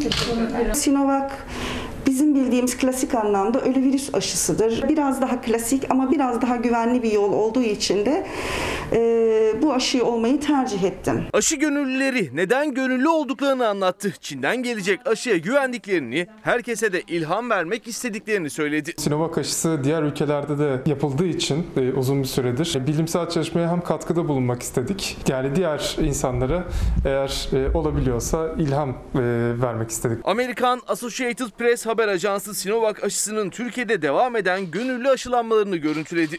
Aşı için gönüllü olanların deneyimlerini abonelerine servis etti. 29 yaş kategorisi biz en son sıradaydık bunu zaten söylemişlerdi. Bir daha böyle bir fırsat gelemeyeceğini düşündüğüm için de olmak istedik. Aşı için gönüllü olanlarda plasebo etkisi de test ediliyor. Bazı gönüllülere haberleri olmaksızın boş aşı da uygulanıyor. Bize şöyle bir şey taahhüt edildi. Plasebo'ya denk gelenler olursa ki ben e, ilk çağrılanlardan biri olacağım aşıyı yaptırmak için. Profesör Doktor İftihar Köksal da aşının ne kadar önemli olduğunu anlattı Amerikan haber ajansına. Hastalığın önünün alınmasında en önemli önlem aşılamadır. Toplumun en az %75'inin aşılanması veya hastalığı geçirmiş olması lazım ki hastalık azalma ve bulaşının azalması trendine girsin. Profesör Köksal, Sinovac aşısının %90'ın üzerinde etkili olduğunu ve ciddi bir yan etkisinin olmadığını söyledi. Ölümcül bir yan etkisi olmadığı görüldü. Çünkü dünyada binlerce insana yapıldı. Bizimle birlikte her iki aşı içinde birçok ülkede faz çalışması yürütülmekte. Etkinlik görüldü. Yani etkin olduğu %90'ın üzerinde etkin olduğu ve e, ölümcül bir yan etkiye sahip olmadığı için de erken onay verildi. Çin'de üretilen aşının Türkiye'de yaklaşık 13 bin gönüllüye uygulanması hedefleniyor. Şu ana kadar gönüllü başvuruları da hedefe ulaşılabileceğini gösteriyor. Sinovac aşısında e, Türkiye'de 25 merkez belirlendi ve merkezlere düşen gönüllü sayısı 500 olarak belirlendi. Toplam Türkiye'den beklenen sayı e, aşağı yukarı 13 bin kişi. Korona aşı konusundaki gelişmeleri sizlere aktaracağım. Çok çarpıcı bir haber var. Ama o haberden önce, şimdi Ayşe Hanım bana bir mesaj atmıştı da bu komşuluk dayanışma diye. Şimdi dün sabah geldim böyle kaçta gittim içeri? 5 civarında galiba. İşte bizim Turgay var sesçimiz sağ olsun. Annesi bir küçük kekler yapmış. Kek demeyeyim de böyle elmalı kurabiye gibi bir şey ama o kadar lezzetliydi ki onları yedik. İşte bugün bizim Tuğba var rejideki arkadaşlarımızdan. O da kendisi patatesli börek yapmış. Dün mesela bir telefon aldım ben. Bizim Feride Savaş var benim komşum. Komşu dedi evde misin dedi. Evdeyim çalışıyorum dedim. Yardımcısı da var çünkü onların evlerinde iki de çocuk var. Maya bir geldi. Ne getirse beğenirsiniz bana söyler misin? Evde kuru fasulye yapmışlar. Benim de çok sevdiğim bildiği için kuru fasulye, pilav, turşu yollamışlar bana. Şimdi Ayşe Hanım güzel bir fotoğraf yollamış da aklıma geldi. Dayanışma güzel şey arkadaşlar. Küçük küçük dayanışma adımları önemlidir diyorum. Ha şu haberi unutmadan sizlerle paylaşayım. Bakın gelin. Çok çarpıcı bence. Koronavirüs aşısı yaptıran Habertürk yazarı koronavirüse yakalandı. Hoppala dediniz değil mi? Koronavirüs aşı çalışmaları için gönüllü olan Habertürk yazarı Kemal Öztürk, koronavirüs test sonucunun pozitif çıktığını açıkladı. Bu nasıl olabilir? Çok yeni bir haber ama sizlere söz veriyorum. Hatta bir reklama gideyim de reklamlarda Kemal Öztürk'ü arayayım, danışmanımla da konuşayım. Bu konuları sizlere birazcık anlatayım olur mu? Biraz erken gidebilir miyim reklama İrfan? Tamam gidelim. İki fotoğraf vereceğim önce. Güzel haberler vermeyi çok sevdiğimi, istediğimi biliyorsunuz. Enka'nın tabii bir sporcusu şampiyon oldu. Enka ülkemizde amatör kulüplere en çok yatırım yapan kulüplerden birisi. Milli yüzücümüz Merve Tuncel'den dünya gençler rekoru. Enka'nın milli yüzücüsü Merve Tuncel kadınlar 1500 metre serbestte 15-45-29'luk derecesiyle kısa kulvar dünya gençler rekoru kırdı. Canı gönülden kendisini, kendisini yetiren, yetiştiren öğretmenlerini, antrenörlerini de kutluyorum efendim. Kulübüne de teşekkür ediyorum ülkem adına. Bugün hani Nedim Şener'in FETÖ ile ilgili yazısından bahsetmiştim. Emin Çöleşan'ın yazısından bahsetmiştim. Bakın bugün 23 Aralık'ta Şehit Kubilay'ı saygıyla anıyoruz. O aslında bir öğretmendi, bir aydınlıkçıydı, bir Mustafa Kemal askeriydi, hem öğretmen. Adanalıdır, Kozan, Mustafa Fehmi Kubilay 23 Aralık'ta yani tam da bugün 1930'da İzmir Menemen'de Cumhuriyet karşıtları tarafından Bekçi Hasan ve Bekçi Şevki ile birlikte şehit edilmişti. Ruhları şad olsun diyorum. Şimdi efendim bir reklama gideyim. Şu Kemal Öztürk yani aşıyı oldu nasıl korona yakalandı bu meselenin peşine bir düşeyim. İzin verir misiniz? Bugün birazcık daha erken gideyim. Kaça kadar devam ediyoruz? 11'e kadar devam edeceğiz. Rıza Zelyut, gazeteci yazar, Kirlenme isimli kitabını yazmış, imzalamış ve bana göndermiş. Kendisine çok teşekkür ediyorum. Eskiden Güneş Gazetesi yazarıydı. Koronaya 100 mektup Süleyman Doğan. Nasıl bir sabah ama değil mi? Bir yudum su içmeme izin verir misiniz efendim? Devam edeceğim. Ekonomi haberleri var. Sağlık haberleri var. Kemal Öztürk'ün durumunu takip edeceğim. AHİM'in verdiği Demirtaş kararını yorumlayacağım. İtalya'dan bir misafirimiz var demokrasi meydanında. Ama birazcık nefes alayım mı? Terasa çıkıp nefes alacağım ama önce size bir şiir okumak istiyorum. Sevdiğim bir şiir. Hani derler ya incitmeyeceksin. Laf ağızdan çıkmayacak mesela. Kırıcı olmayacaksın mealen. Ama şair bakın bunu nasıl anlatıyor. Hiç kapanmıyor. İnsanın yaraları hiç kapanmıyor. Kabını çürütür. Su sızdıran saksı kabını çürütür. Bunu bil. Bunu bil.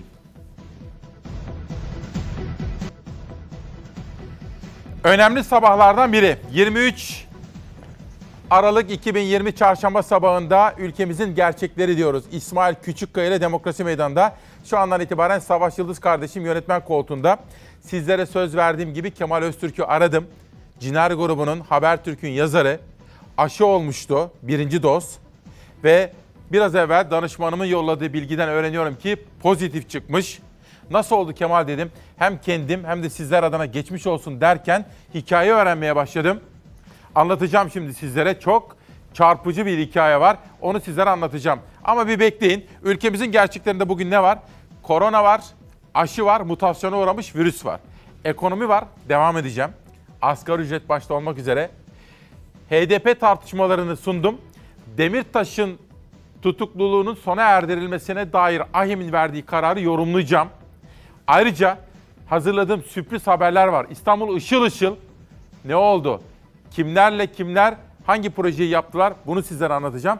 İtalya'dan da bir demokrasi meydanında konuğumuz var efendim. Şimdi manşetler 3. tur. Milliyet. Milliyet sizlere çağrıda bulunuyor. Ha gayret Türkiye diyor. Asla gevşeme. Covid-19 tedbirleri ve vatandaşların kısıtlamalara uyumuyla günlük vaka hasta sayılarında çarpıcı bir düşüş yaşanıyor diyor. Şimdi bu haberi izleyeceğiz. Yurdumuzdan koronaya dair haberler. Dönüşte Kemal Öztürk demokrasi meydanında olacak ve aşı ne gün oldu? Aşıdan hemen sonra neden ve nasıl koronaya yakalandı? Kendisi anlatacak.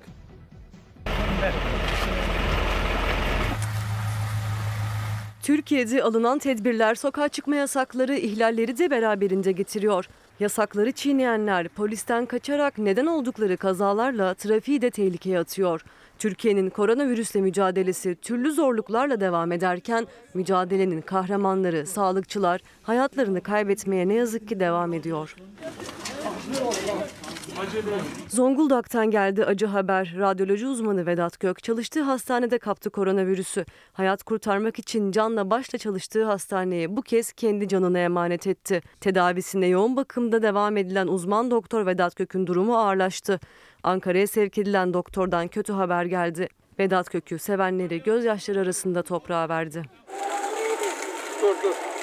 Virüsün en büyük tehdit alanı pazarlar. Kontrolsüz kalabalıklar pazar alanlarını virüsün yuvası haline getirirken tedbir amaçlı girişler HES koduyla yapılmaya başlandı. Burdur'da HES kodlu pazara giriş uzun kuyruklar oluşturdu.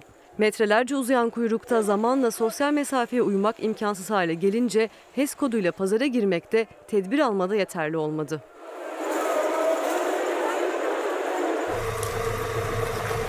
Onlar yasakları ihlal ediyor, trafik kazalarına sebep oluyor. Kendi hayatlarını hiçe saydıkları yetmezmiş gibi başka canları da tehlikeye atıyorlar. Bursa'da polisin dur ihtarına uymayan otomobil sürücüsü bir iş yerine çarptı. Kısıtlama saati dışarıda olan sürücü ceza almamak için otomobilini bırakarak kaçtı. Kaçan sürücü aranıyor. Bir ihlal, bir dur ihtarı ve bir kaza daha. Bu kez adres Muğla. Yasak saati otomobille dışarıda gezen iki kişi polis ekiplerini karşılarında görünce kaçmaya teşebbüs etti. Hızını artıran sürücü direksiyon hakimiyetini kaybetti, su kanalına çarptı.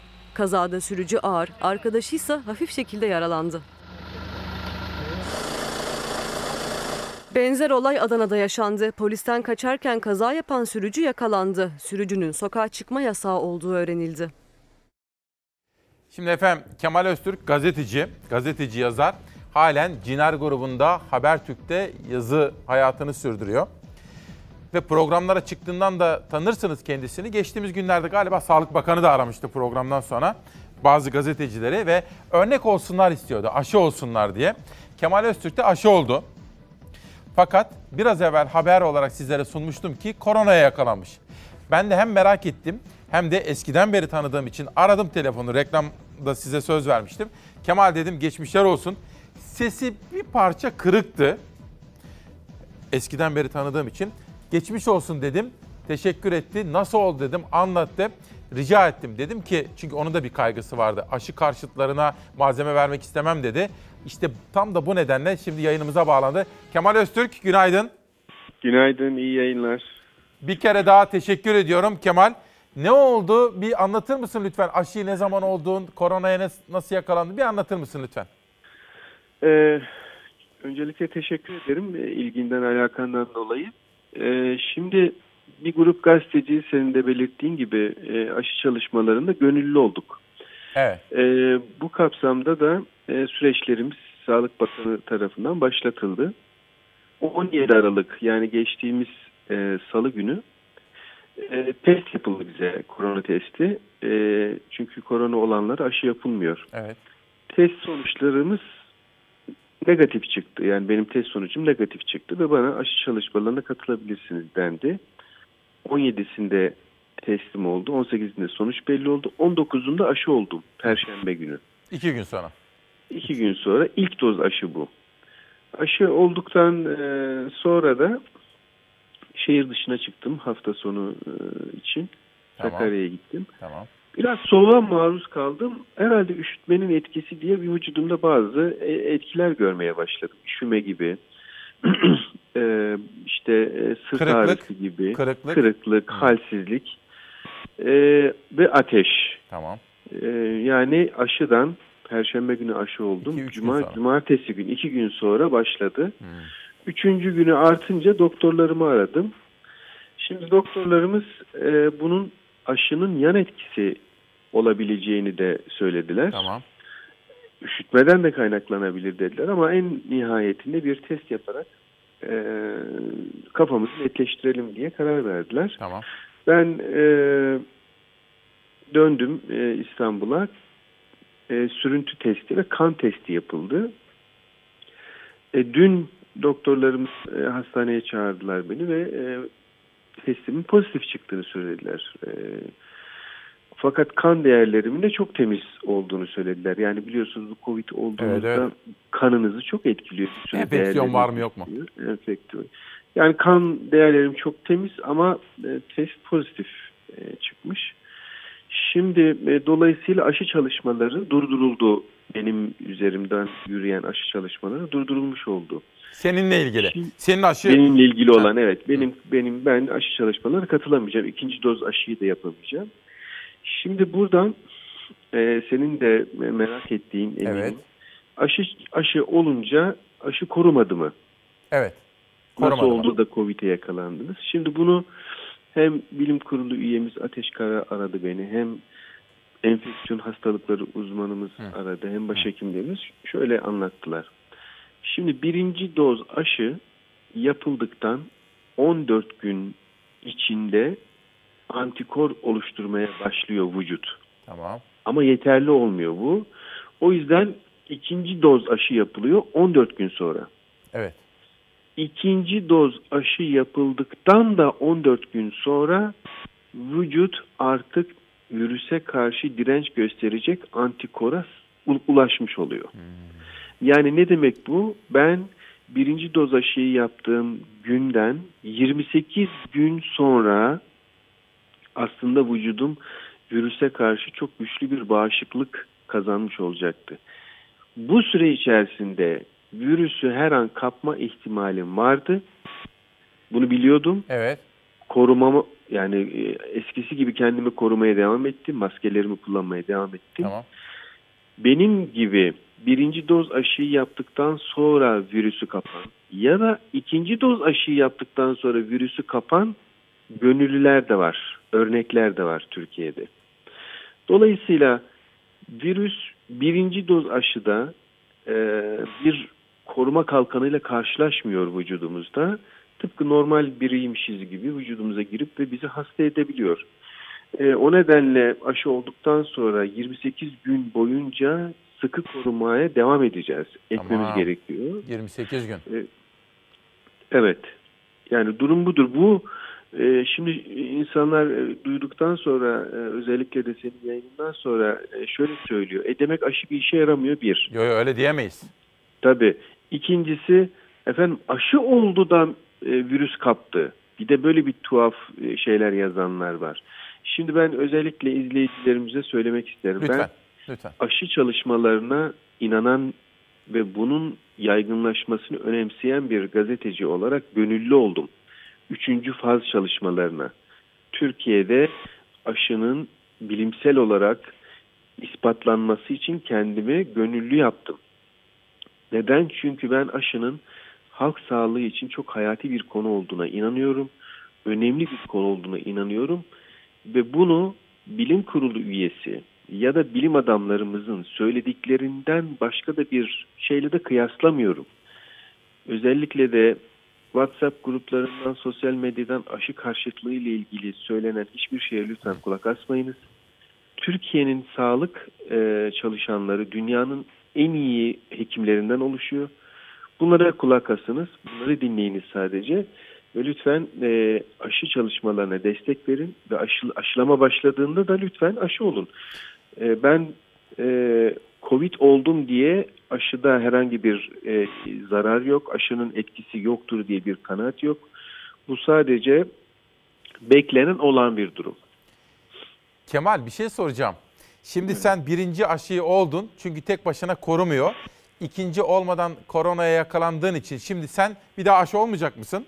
Hayır, hayır. İkinci aşı çalışmalarına katılmayacağım artık. Tamam. Bir şey daha sorabilir miyim? Tabii Buyurun. e, sen de bir aile babasın, eşin, dostun, çoluğun, çocuğun var, büyüklerin var. Onlar aşı olacaklar mı? Yani ne düşünüyorsun? Tabii onları yani e, şöyle biz gönüllü olduğumuz için öncelik aşı yaptılar biz ama onların tabii yaş gruplarına göre bir e, sı- sınıflama, sıralama getirilecek. Yaşlılar, işte orta yaşlılar, gençler diye. Ailemin tamamı e, kendi sıraları geldiğinde bakanlık onlara hangi gün ne zaman olacağını söyleyecek. E, aşı olacaklar. Çok güzel. Hadi senin tutumunu merak etmiştim bu meydana gelen Hayır sonra. asla değişmedi. Yani asla değişmedi. Çocuklarım, aile büyüklerim e, hepsini e, aşı olacaklar. Teşvik ediyorum. Peki teşekkür ederim. Kemal bu arada Sağlık Bakanlığı ilaçları yolladı mı? Evet yani ilaçlar verdiler fakat e, doktorların tetkiklerinde yani sağlık durumum çok şükür çok iyi olduğu için yani çok yoğun bir e, ilaç e, veya hastane ortamında bulunmam gerekmiyor. Evdeyim. E, güzel de bir fırsat oldu. Şimdi kütü- kütüphanem çok dağınıktı. Hepsi kitaplarımı toplayacağım. Senin de kitabını bu arada okumuş olacağım. Çok sağ ol, çok teşekkür ederim. Ee, e, ama sağlık durumum çok iyi. Arayan soran Ama izole ediyorsun kendini değil mi ev ahalisine göre? Tabii, tabii. Ev, evde izoleyim. Tek Nasılsın peki şu anda Evet. semptomlar ne durumda Kemal? Yani sadece küçük bir burun tıkanıklığımın haricinde e, kas ağrısı, ateş hiçbir şey yok Allah'a şükür. Yani çok hafif geçiriyorum. Ee, inşallah böyle de sonuçlanır. Peki bütün kalbine geçmişler olsun diyorum. Çok Teşekkürler. teşekkürler. Ee, iyi yayınlar. Çok Sağ olun. teşekkürler. Sağ ol. Efendim şimdi Savaş'tan rica edeceğim. Gazetelerde İmece gazetesinde kalmıştı. İşte bakın bu önemli bir olay oldu. Çünkü sabahın olayı. Aslında bizim hani buluşmalarımız bunun için önemli. Ani bir refleks. İşte danışmanım bana o bilgiyi yolladı. Ben hemen arada sizlere söz verdim. Kemal'i aradım ve rica ettim. O da işte katkıda bulundu. İşte sabahın hikayesi her gün değişiyor. Bir yudum çay içeyim. Günaydın efendim nasılsınız? Moraller nasıl? Kahvaltı yapıyorsunuz değil mi? Günün en önemli öğünüdür. Ve büyük şair Cemal Süreyan dediği gibi kahvaltının mutlulukla bir ilgisi olmalı. Hele şöyle bir çay. Savaş imece. Heh. Hastanelerde biyomedikal teknisyeni zorunlu. İki gün evvel burada konuğumuz vardı. Yoğun Bakım Hemşireleri Dernek Başkanı Ebru Kraner. Bu konuya dikkat çekmişti Gaziantep'teki olay üzerinden. Onun haberini sizlere sunacağım. Bu arada Mersin'den Kütahya'ya geçelim. Express gazetesi Esnafın evine ekmek götürecek parası yok. Kütahya Kahveciler Esnaf Odası Başkanı Selahattin Karaaslan'ın röportajı burada yer almış. Aynı zamanda Vali Çelik kadın kooperatif sayımızı 6'ya çıkaracağız demiş. Bu da benim desteklediğim önemli projelerden biri. Bana bu konuda bilgi gelirse seve seve katkı vereceğiz efendim. Ardahan'a geçelim. Çok üşüdüm anne diyor. Ruhları şad, mekanları cennet olsun. Sarıkamış şehitlerimizin Hakk'a yürümelerinin 103. yılında rahmet ve minnette anıyoruz. Tekirdağ'a geçelim. Fox TV, Halk TV, KRT TV ve Tele1 TV kanallarına yasak haberini görüyorum. Bir ayıbın haberi aslında bu, bir ayıp. Tekirdağ, İsmail Fehmi Cumaoğlu Şehir Hastanesi'nde hasta odalarındaki televizyonlarda bazı kanalların yer almaması tepkilere neden oldu. Hastanede Fox TV başta olmak üzere Halk TV, KRT TV ve Tele1 TV gibi muhalif kanalların televizyonda kanal listesinde olmadığı bildirildi. Bir kere şu tanımlamayı kabul etmiyorum. Biz muhalif bir kanal değiliz. Biz Türkiye'nin kanalıyız. Hani diğer kanallarda nasıl istiyorlarsa açıklama yapabilirler. Ben şimdi yönetmenim ve editörümden rica edeceğim. Bana burası kimin kim yaptırmış burayı? Yani özel sektöre yaptırıyorlar. Bunu bana öğrenin Savaş tamam mı? Öğrenin bana bunu. Bu sansür kafayı merak ediyorum. Kayseri'ye geçelim. Bu konuyu takip edeceğim. Görünmez kahramanlar ücretsiz ev işçileri sayıları 11 milyon 222 bin. Onlar yalnızca ev işleriyle uğraşan ev kadınları sabahın erken saatlerinden geceye geç saatlere kadar çalışıp çabalasalar da emeklerinin görünmediğinden şikayetçi olan ücretsiz ev işçileri Selma Kara'nın özel haberi. Bir de Batman'a gidelim. Batman'da bir manşet. Keçiburnu'ndaki sergiyi farklı hissediyorum. Ahmet Güneştekin'in buradaki röportajı. Güneştekin komşu il Diyarbakır Keçi Burcu'ndaki önümüzdeki yıl açacağı serginin hazırlıklarını sürdürüyor. Sür manşete baktığım zaman Irak'a 4 milyon dolarlık mermer diyor. Pandemiye rağmen organize sanayi bölgesinden sevindirici bir haber gelmiş Batman'dan. Şimdi Yoğun Bakım Hemşireleri Dernek Başkanı'nı dinleyeceğiz ve peşi sıra sizi sizi Roma'ya götüreyim mi efendim? Götüreyim. Çünkü hepiniz çok iyi bilirsiniz ki bütün yollar Roma'ya çıkar. Bu dönemde en büyük risk hasta güvenliği açısından ortaya çıkan risk dedik. Bakın bu örnek aslında çok güzel açıklıyor. Ne yazık ki çok acı bir örnek. Bu Etkili yüksek açıklıyor. akım evet maalesef yüksek akım oksijen cihazları yüksek ısıyla ve basınçla çalışan cihazlar. Ben yoğun bakım hemşiresi olarak bu cihazları her dak her dakika kesintisiz ve sürekli hastayı da izliyorum. Ona bağlı olan bütün cihazı ve ekipmanları da izliyorum. Bunların kontrol edilmesi gerekir. Bunu eğitimli beceriye sahip ve deneyim sahibi yoğun bakım hemşireleri yapabilirler. Diğer bir taraftan işin biyomedikal boyutu da var. Hı hı. Neticede ben hemşireyim. Cihazın çalışma kurallarını ve bazı alarmlarını bilebilirim. Tabii. Ama diğer bir taraftan her hastanede Teknik çünkü, teknik her cihaz bu. evet yoğun bakımda Hmm. olması gereken bir biyomedikal mühendisinin olması Yok mu? gerekir. Yok. Maalesef henüz yok. Hastanelerde bir biyomedikal ünitesi çok var ve e, bozulan ya da alarm veren ya da kalibrasyonlarında sıkıntı olan cihazlarda biyomedikal bize destek verir. Ama yoğun bakım gibi çok ciddi kritik cihazların kullanıldığı ünitelerde mutlaka bir biyomedikal mühendisinin olması ve bu tarz yüksek riskli ekipmanların sürekli kontrolden geçirilmesi gerekiyor. Ülkemizin gerçekleri dedik bu sabah. Bakın Engin Güner de diyor ki İsmail Bey günaydın. Ülkemizin gerçekleri deyince kutuplaşma.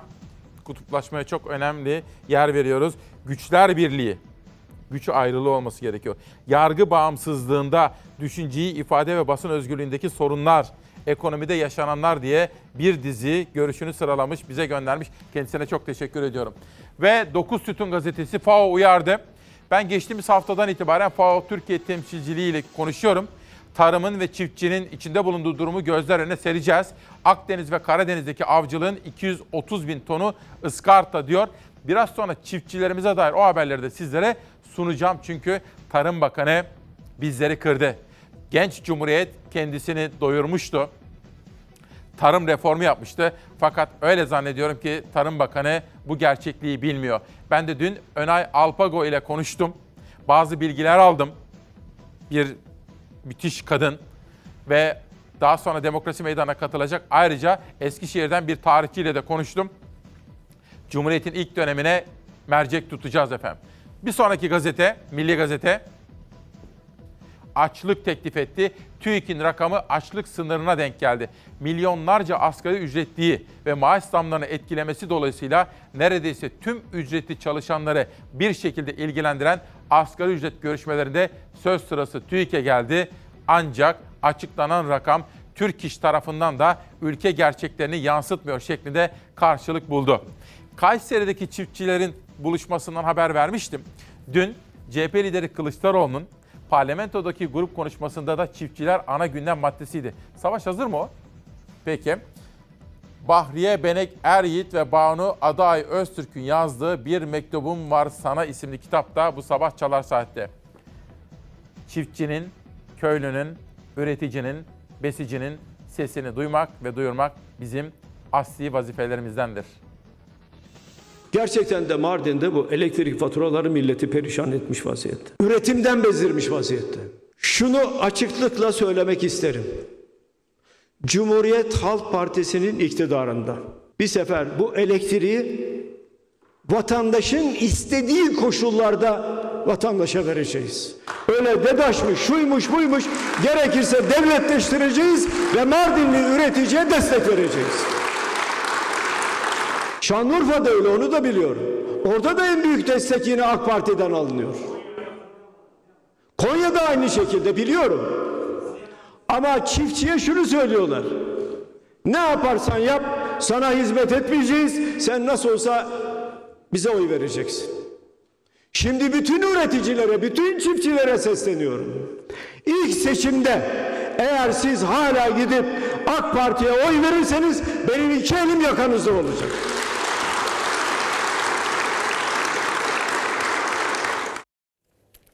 Evet şimdi bir taraftan da sizlerden gelen yorumlara bakıyorum.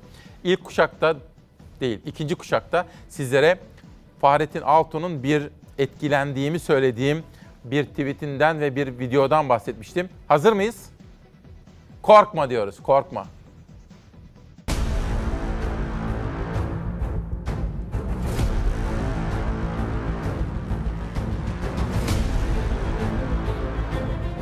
Korkma. Sönmez bu şafaklarda yüzen al sancak. Sönmeden yurdumun üstünde tüten en son ocak. O benim milletimin yıldızıdır, parlayacak. O benimdir, o benim milletimindir ancak. Çatma kurban olayım çehreni ey nazlı hilal. Kahraman ırkıma bir gül, ne bu şiddet bu celal. Sana olmaz dökülen kanlarımız sonra helal. Hakkıdır, hakka tapan milletimin istiklal.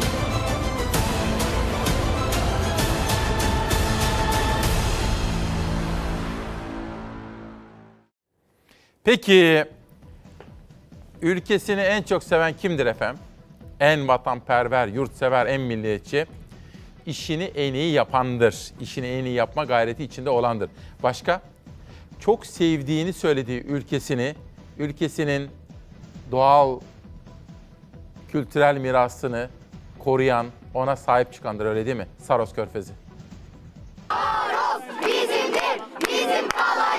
acele kamulaştırma kararıyla arazimize el konuldu. Ama biz diyoruz ki arazimiz satılık değildir. Yargının hiçbir kararını beklemeden hukuk tanımaz bir şekilde makinaları buraya soktular ve şu an ciddi anlamda bir talan var orada aslında. Yeşilin ve mavinin buluştuğu Saros'un kalbine saplandı bu hançer. Trakya halkının iki yıl boyunca süren mücadelesine toplanan binlerce imzaya itirazlara rağmen BOTAŞ tarafından Saros Körfezi'ne doğalgaz taşıyacak gemiler için iskele inşaatı yapımına başlandı. İddiaya göre arazi sahiplerine haber bile verilmeden tarlalara kamyonlar, kepçeler girdi. Acil kamulaştırma kararıyla arazisine el konulan Mehmet Zeybek de ata mirası toprağının başında sesini duyurmaya çalışanlar arasında. Anam babam çiftçiydi. Traktör kazasında ikisi birden vefat etti. Ben ve kardeşlerim bu tarlalar sayesinde okuduk. denizimizi, tarımımızı, doğamızı, ekolojik dengemizi her şeyiyle yok edecek. Halk buna karşı 50 bin imzamız var.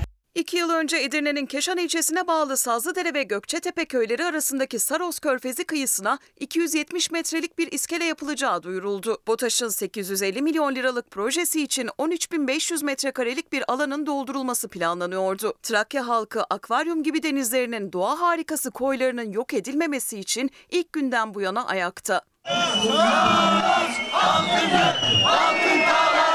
Tahribat ciddi anlamda büyük bir tahribat yaşanıyor ve telafisi mümkün olmayan çünkü 4-3-4 metrelik şeyler topraklar kazınıyor.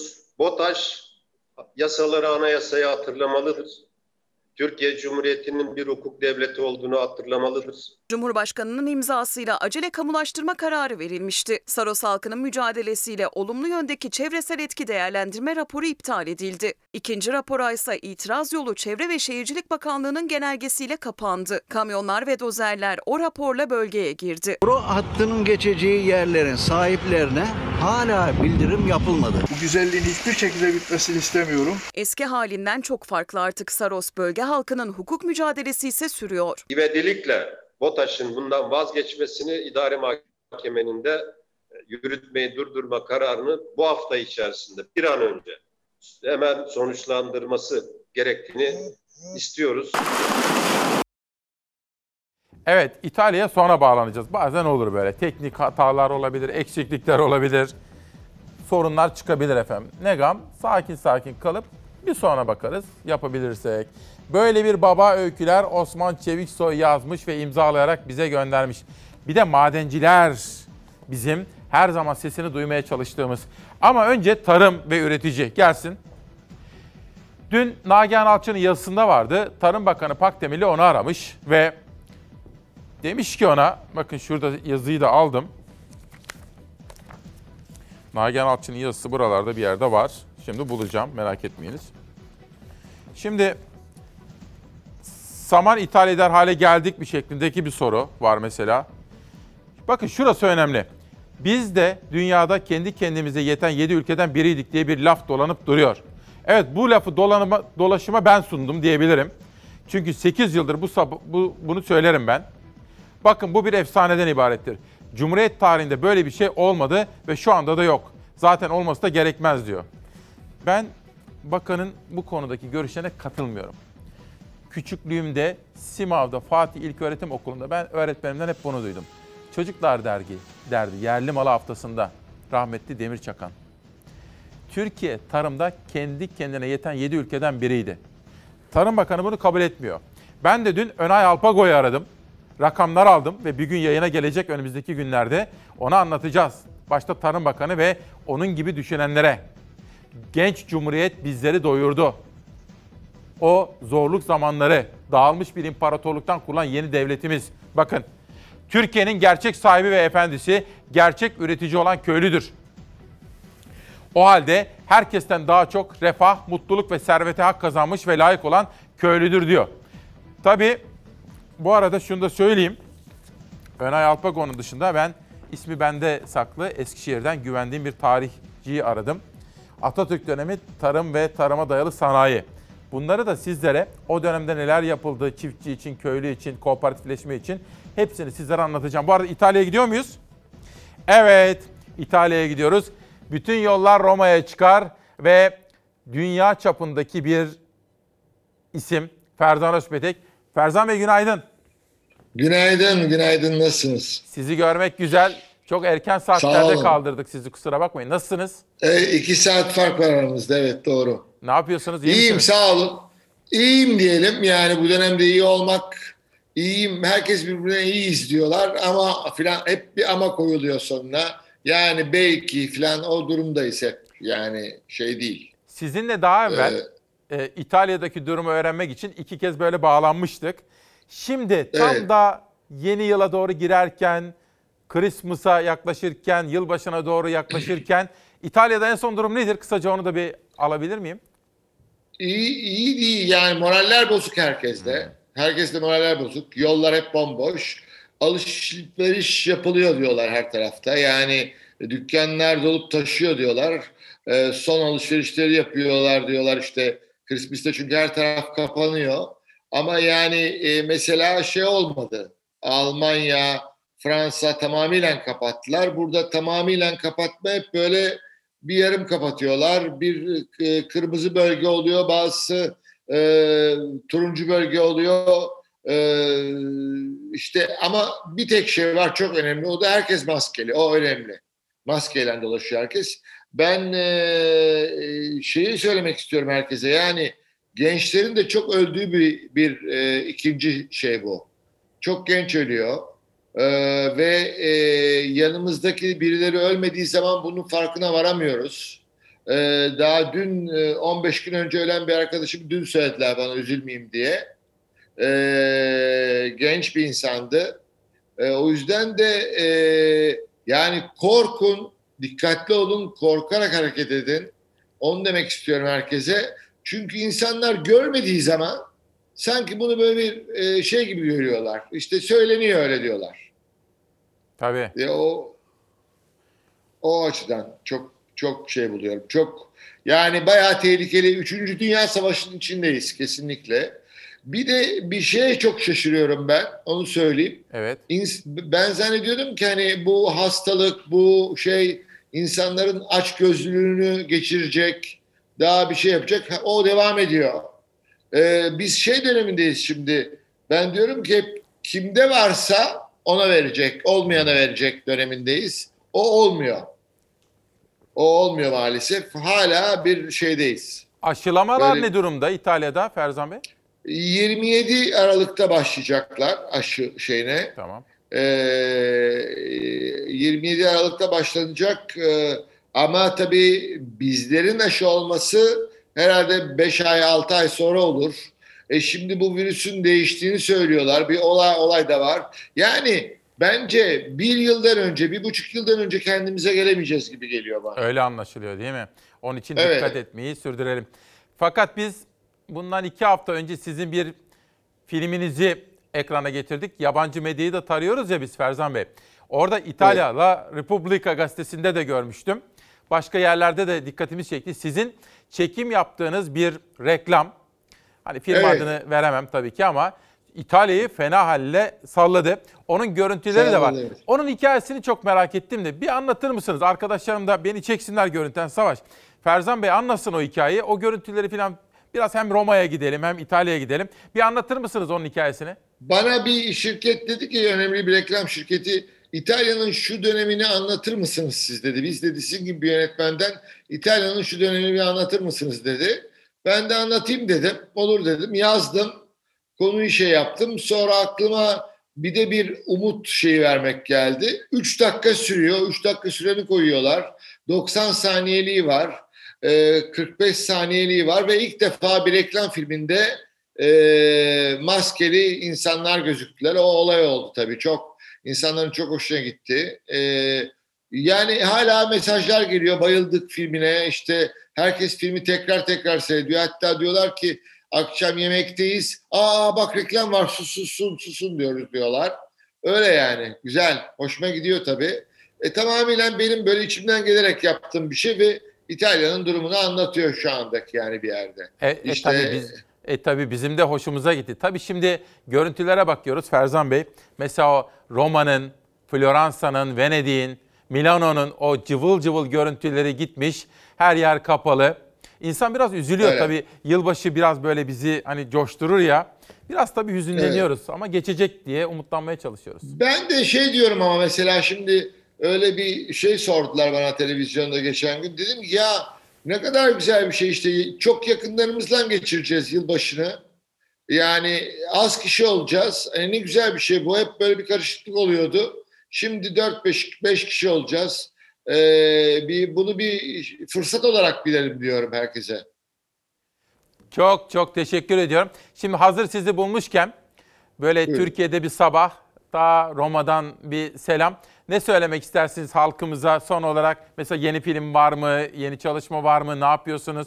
Son bir Şimdi- cümlenizi alırsak size teşekkür edeyim. Tabii ben e, yeni di- bir dizi yazdım e, şey için Disney Disney e, Star olacak o Disney Plus'tı. Evet. Star olarak çıkıyor. Bütün dünya platformu çok büyük bir şey. Orada Cahil Periler'in dizisi olacak 8 bölümlük. E, yeni bir reklam filmi çekeceğim şimdi makarna reklamı birazdan. E, yeni filmi hazırlıyorum. Warner'la bir anlaşmam var. E, o çok burada başarılı olan tiyatro oyunum tekrar oyuna girsin diye bekliyorum sahneye başlasın diye. Kitabım hala çok güzel gidiyor. Yani benim şikayetim kendimle ilgili değil. Şikayetim biliyorsunuz başkaları mutsuz olduğu zaman siz mutlu olamıyorsunuz. Evet, Konu doğru. o. Konu o. Doğru. Çok bir de teşekkür Türkiye'yi çok özledim. Onu söyleyeyim. Yani iki buçuk yıl oldu neredeyse. Burnumda tutuyor resmen. Görüşmek üzere diyorum Ferzan Bey. çok Görüşmek teşekkür üzere. Sağ olun. Çok sağ sağ olun. olun. Görüşmek üzere. Şimdi efendim bir reklam arasına daha gideceğim. Saat 11'e kadar devam edeceğiz. Dönüşte bazı önemsediğim haberler var. Bir önemli gelişmeyi yorumlayacağım. Ve ayrıca Soma haberi var. Bir Çalasat gazetesi gelsin. Bugün Zeray Kınacı ile Orkun da şöyle bir gazete üzerine çalıştılar. Somalı madenciler kazandı diyoruz. Mücadeleleri aylardır devam eden Somalı madencilerin yanındaydık. Ve onlar örgütlü toplum olmanın, hakları aramanın ne kadar önemli olduğunu bizlere hatırlattılar. Şimdi reklamlara gideceğim. Ben biraz terasa çıkıp nefesleneceğim.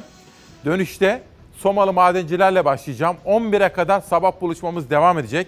Ve ayrıca çiftçiler Kayseri'de buluştu haberimizi de sizlere erken saatlerde aktarmıştım. Ve bu konuda da bir çift sözümüz olacak efendim. Şimdi izin verirseniz bir reklamlara gideceğim ama şu ki iki kitabı tanıtayım. Reklam aralarında da sizler ne bileyim çayın altını koyun. Varsa telefonlarınız onu yapın. Varsa küçük küçük işleriniz onu yapın. Ama saat 11'e kadar birlikte olalım İsmail Küçüköy ile Çalar Saat ailesi olarak. Dipteki sızı Cengiz Karahan yazmış ve imzalayarak bana göndermiş. Çok teşekkür ediyorum. Ülkemizin gerçekleri bugünkü manşetimiz. Esra Baykal anneleri anlayan marka olmak ne demektir demiş. Anneleri anlamak, bakın anneleri anlamak demek babaları anlamak demektir. Anneleri anlamak demek hayatı anlamak demektir. Terasa çıkıyorum. Nefes alıp aranıza geri dönüyorum. Somalı madencilerle başlıyorum. Günaydın efendim. Günü toparlayacağız. Günün hakkını vereceğiz. Günün haber, manşet, olay, renk ve ruhunu beraber belirleyeceğiz. 23 Aralık 2020 Çarşamba sabahında İsmail Küçükkaya ile Mavi Bir Sabah'ta ülkemizin gerçekleri diyoruz efendim. Ve Çalar Saat gazetesinde Somalılar var. Biz onların hep yanında olduk ve dedik ki eğer hakkınızı savunursanız haklı iken haksız duruma düşmeden hakkınızı savunmanın yolunu bulursanız, örgütlüyseniz, teşkilatlıysanız mutlaka kazanırsınız dedik. Somalı madenciler kazandı. mücadeleleri aylardır devam ediyordu Somalı madenci kardeşlerimiz ve onlar haklarını elde ettiler. Onları kutluyorum.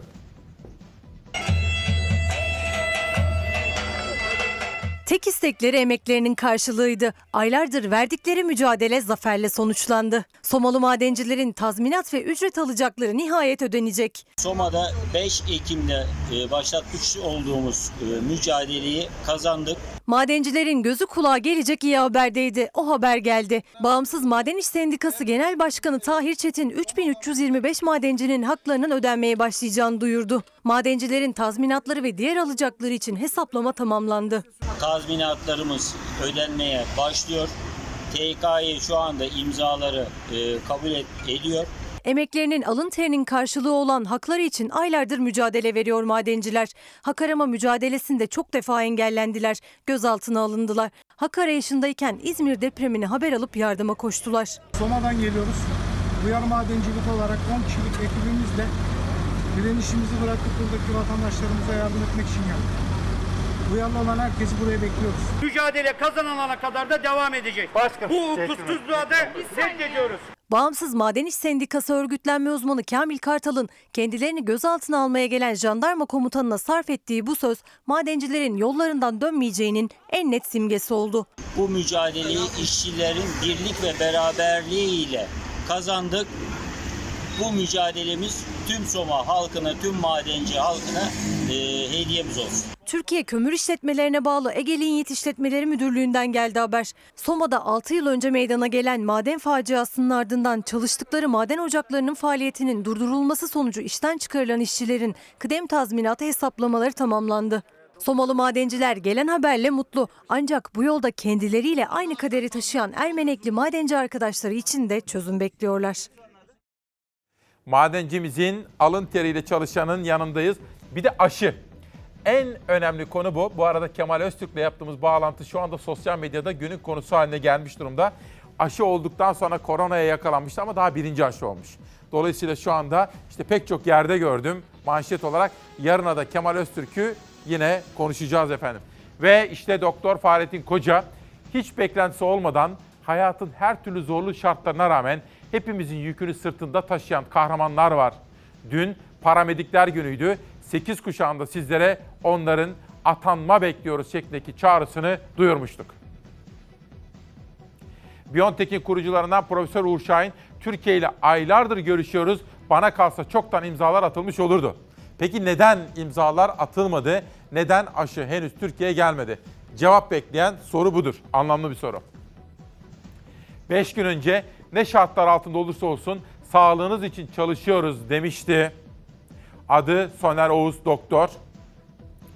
Ve doktorumuz da koronavirüs nedeniyle hayatını kaybetti. Bu arada erken saatlerde duyurdum. Orhan Vural, Kural, Orhan Kural, doğru hatırlıyorum, da rahmetli oldu efendim. Kural hocamız da koronadan hayatını kaybetti. Kütahya'da kolon kanserini atlatan 105 yaşındaki Nuri Dede Covid-19'u da yendi. Günün çok şaşırtıcı bir manşeti. Bu ilk mutasyona uğrayan virüs değil. Aşımız çalışmayacak diye bir konu yok. BioNTech'in kurucu ortağı Profesör Doktor Uğur Şahin Anadolu Ajansı'na konuştu. Efendim şunu söylüyorlar. Bu virüs mutasyona da uğramış olsa bu aşılar o virüsü alt edecek. Bu ilk ilk mutasyon olan bir virüs değil. Bu- Bundan önce değişik değişik mutasyonlar vardı. Dünyaya umut olan aşının üreticilerinden Profesör Doktor Uğur Şahin mutasyona uğrayan virüse karşı ürettikleri aşının işe yarayacağını söyledi. Türkiye ile de anlaşma imzalamak üzere olduklarını duyurdu. Aşımız e, bunda çalışmayacak diye bir bir konu yok. mRNA tekniğiyle Pfizer ve BioNTech şirketleri tarafından üretilen aşının iki Türk geliştiricisinden biri Uğur Şahin. Dünyada endişeye yol açan mutasyon haberleri sonrası konuştu. Aşının mutasyona uğrasa da koronavirüse karşı etkili olacağını belirtti. Henüz tam olarak incelemelerin tamamlanmadığını ancak virüsün yalnızca %1'lik kısmının değiştiğini söyledi. Virüsün genetik kodunun yüzde biri mutasyon olmuş. %99'u olmamış. Profesör Doktor Şahin mutasyon haberleri karşısında endişeli olmadıklarını da vurguladı. Biz çok korkmuyoruz. Bilim insanı Uğur Şahin Türkiye ile de aşı konusunda görüşmelerin sürdüğünü vurguladı. Kısa sürede sözleşme imzalayabileceklerini söyledi. Türkiye için yeterli doz depoladık, nispeten hızlı teslimat yapılabilir dedi. Onlar bizim Almanya'daki gururlarımız. Erken saatlerde size demiştim ki hükümet hazır reform çalışmaları derken STK'lara, sivil topluma kayyum ataması da nereden çıktı? Bu çelişki algısı oluşturur demiştim. Canan Gülü diyor ki İsmail Bey günaydın. Mesela Kadın Dernekleri Federasyon Başkanı biz bir takım çalışmalar yapıyoruz. Bizden hoşlanmıyorlar ise Mesela bir ihbar ederler numaradan STK'nın başına kayyum atanabilir diyor. Bu demokratik ve çok sesli hayat için sıkıntılı değil midir diyor. Canan Güllü hocamız yerden göğe kadar haklı. Yarına bu konuyu da takip edeceğim söz veriyorum. Hayatı güzelleştiren hikayeler Süleyman Doğan'dan geldi efendim. Çalar Saat. Ve dün dün bir haber vardı. Altın bulduk. Evet evet. Bilecik, Söğüt. Tarım kredi iştiraki Gübretaş'a ait maden sahasında 3,5 milyon onsluk altın varlığı tespit edildi. Hazır mıyız Savaş? Altına gidelim. Türkiye ekonomisine katkısının bunun çok ve çok üzerinde olacağı muhak. İki yıllık süre geçmeksizin Türkiye ekonomisine bu değeri kazandıracağız. Bugünkü rakamlara göre tahmini değeri 6 milyar dolar yani 46 milyar liraya yakın. Tarım kredi iştiraki Gübretaş'a ait maden sahasında 3.5 milyon onsluk altın varlığı keşfedildi. Biz bunu milli imkanlarla milli ekonomiye kazandırma noktasında gübretoş olarak, tarım kredi olarak üzerimize ne düşüyorsa sonuna kadar yapacağız. Karadeniz'de bulunan doğalgaz rezervinin ardından bir keşif haberi daha geldi. Bilecik'te altın arama sahasında 3.5 milyon onsluk altının varlığı tespit edildi.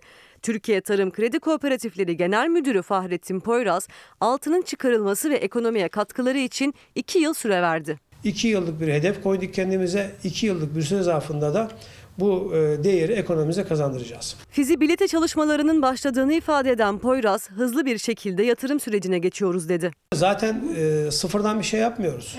Yani şu anda e, biz başlamış olan bir e, süreci devraldık. Devraldık. Dolayısıyla aslında pek çok e, e, resmi izinler dahil olmak üzere aslında bunlar şu anda var. Elimizde hazır.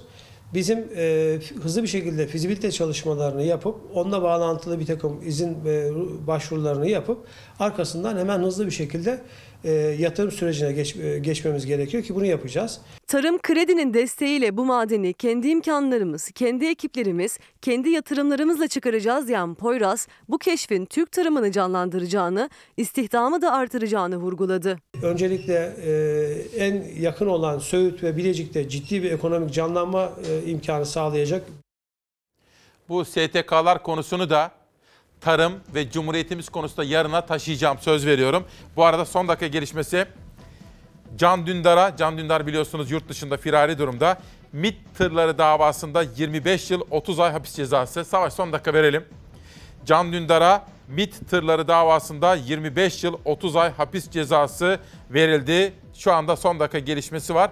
Günün çarpıcı gelişmelerinden birisi de işte bu olacak efendim. Sırada bir video var. Dün gündem çalışmamızı yaparken çok üzüldük. Yel Kemaloğlu ile birlikte telefonda. Milletvekilinin hangi partili olup olmadığı önemli değil. Milletvekili olması da önemli değil. Bir engelli isim, insan. Karşınızda engelli bir insan var. Çok üzüldüğümüz bir görüntü. Savaş onu hazırla lütfen. Kalbimdeki izler Sakine Kaya bize yazmış ve imzalamış bu kitabını efendim.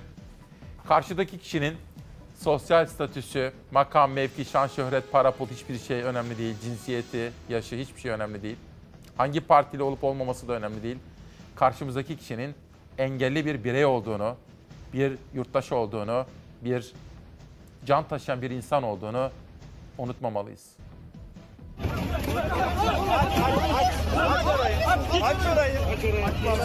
Dikkat dikkat polis konuşuyor. Aksaray meydanında toplanan gruba sesleniyorum. Yapmak istediğiniz eylem tatil kanunca yasaklanmıştır. Eyleminize müsaade edilmeyecektir. Lütfen dağılın.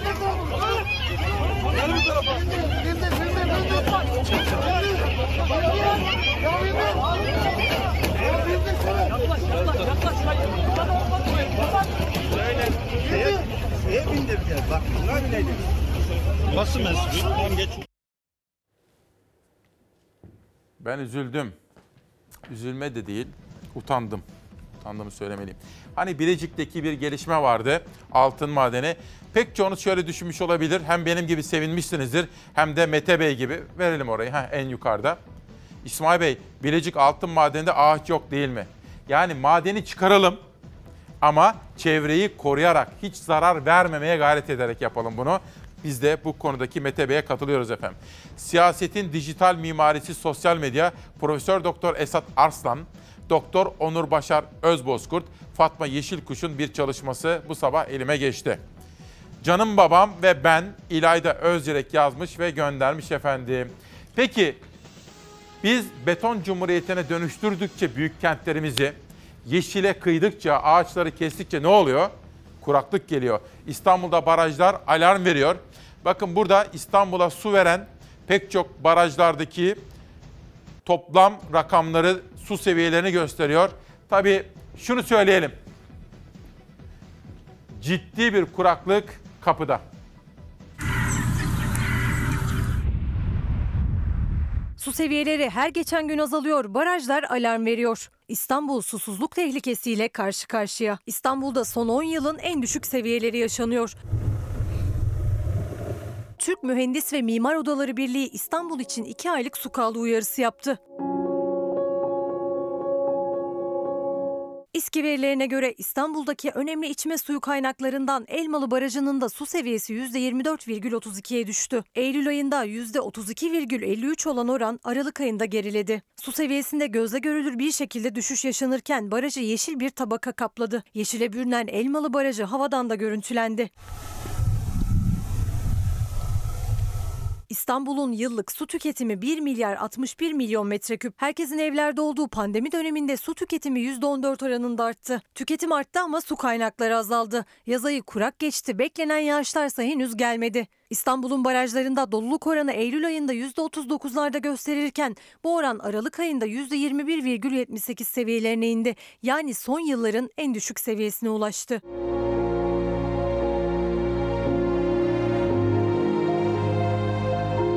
Yağsız geçen günlerde kentteki bir diğer tehlikede boru hatlarındaki çatlaklar. Çevre Mühendisleri Odası İstanbul Şubesi'nin yaptığı araştırmaya göre İstanbul'un barajlardan gelen sularının %22'si borulardaki çatlaklar nedeniyle şebekeye ulaşamıyor. Yani isale hatlarındaki çatlaklar boruların bağlantı noktalarındaki sorunlar nedeniyle 236 milyon 891 metreküpü boşa akıyor. Günlerce kullanılabilecek su ziyan oluyor.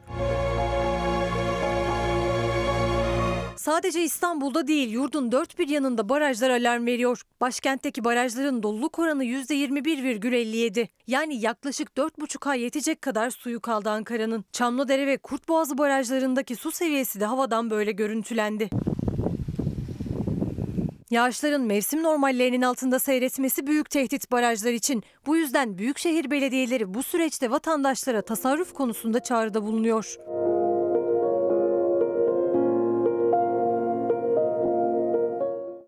Hepimizin duyarlı olması gerekiyor. Yalçın Bayar bugünkü yazısında Ergun Göknel'den öneriler almış ve mutlaka tasarruflu su kullanılması ve ayrıca önemli radikal kararlar alınması gerektiğini söylüyor Ergun Göknel. Sema Günaydın Çınar A'dan Z'ye Meslekler kitabı resimleyen Dilara Kavaklıoğlu imzalayarak bana göndermişler efendim. Kendilerine de teşekkür ediyorum. İçinde gazetecilerle ilgili de şöyle bir bölüm var.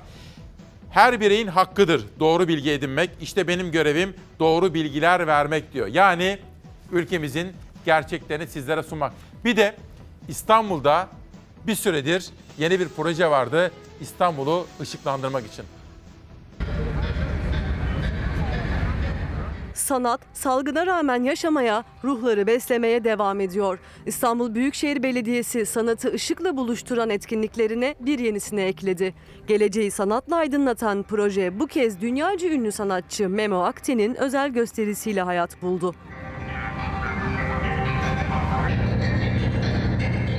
İstanbul'un sembol vapurları ışıklarla bütünleşti. Beşiktaş'tan yayılan ışık tüm boğazı sardı. Ünlü sanatçı Memo Akten ışık gösterisini Beşiktaş Meydanı'nda gerçekleştirdi. İstanbul Büyükşehir Belediyesi'nin The Lights etkinliğinin devamı ışıl ışıl aydınlattı. Hem gökyüzünü hem boğazı. Sanatçı performansını robotik spot ışıklarıyla, mekanı özel ses ve ışık yerleştirmeleriyle gerçekleştirdi. Görüntüler büyüleyiciydi. Koronavirüsün karanlık atmosferi ışık gösterileriyle az da olsa dağıldı. O sırada işten eve gitmek üzere olanlar unutulmaz anlar yaşadı. Evde olanlar içinse gösteri VR gözlükleriyle evde izlemeye olanak sağlayacak şekilde tasarlandı. 22 Aralık'ta başlayan ışık gösterisi son defa bugün de Beşiktaş Meydanı'nda akşam 7'de başlayacak. En sevdiğim kelimeler gibisin. Mesela mesela umut gibi. Günde gecede yitirip durduğumuz zeytin dalını dal eden, örneğin örneğin aşk gibi denizlerin üzerinde yürüten.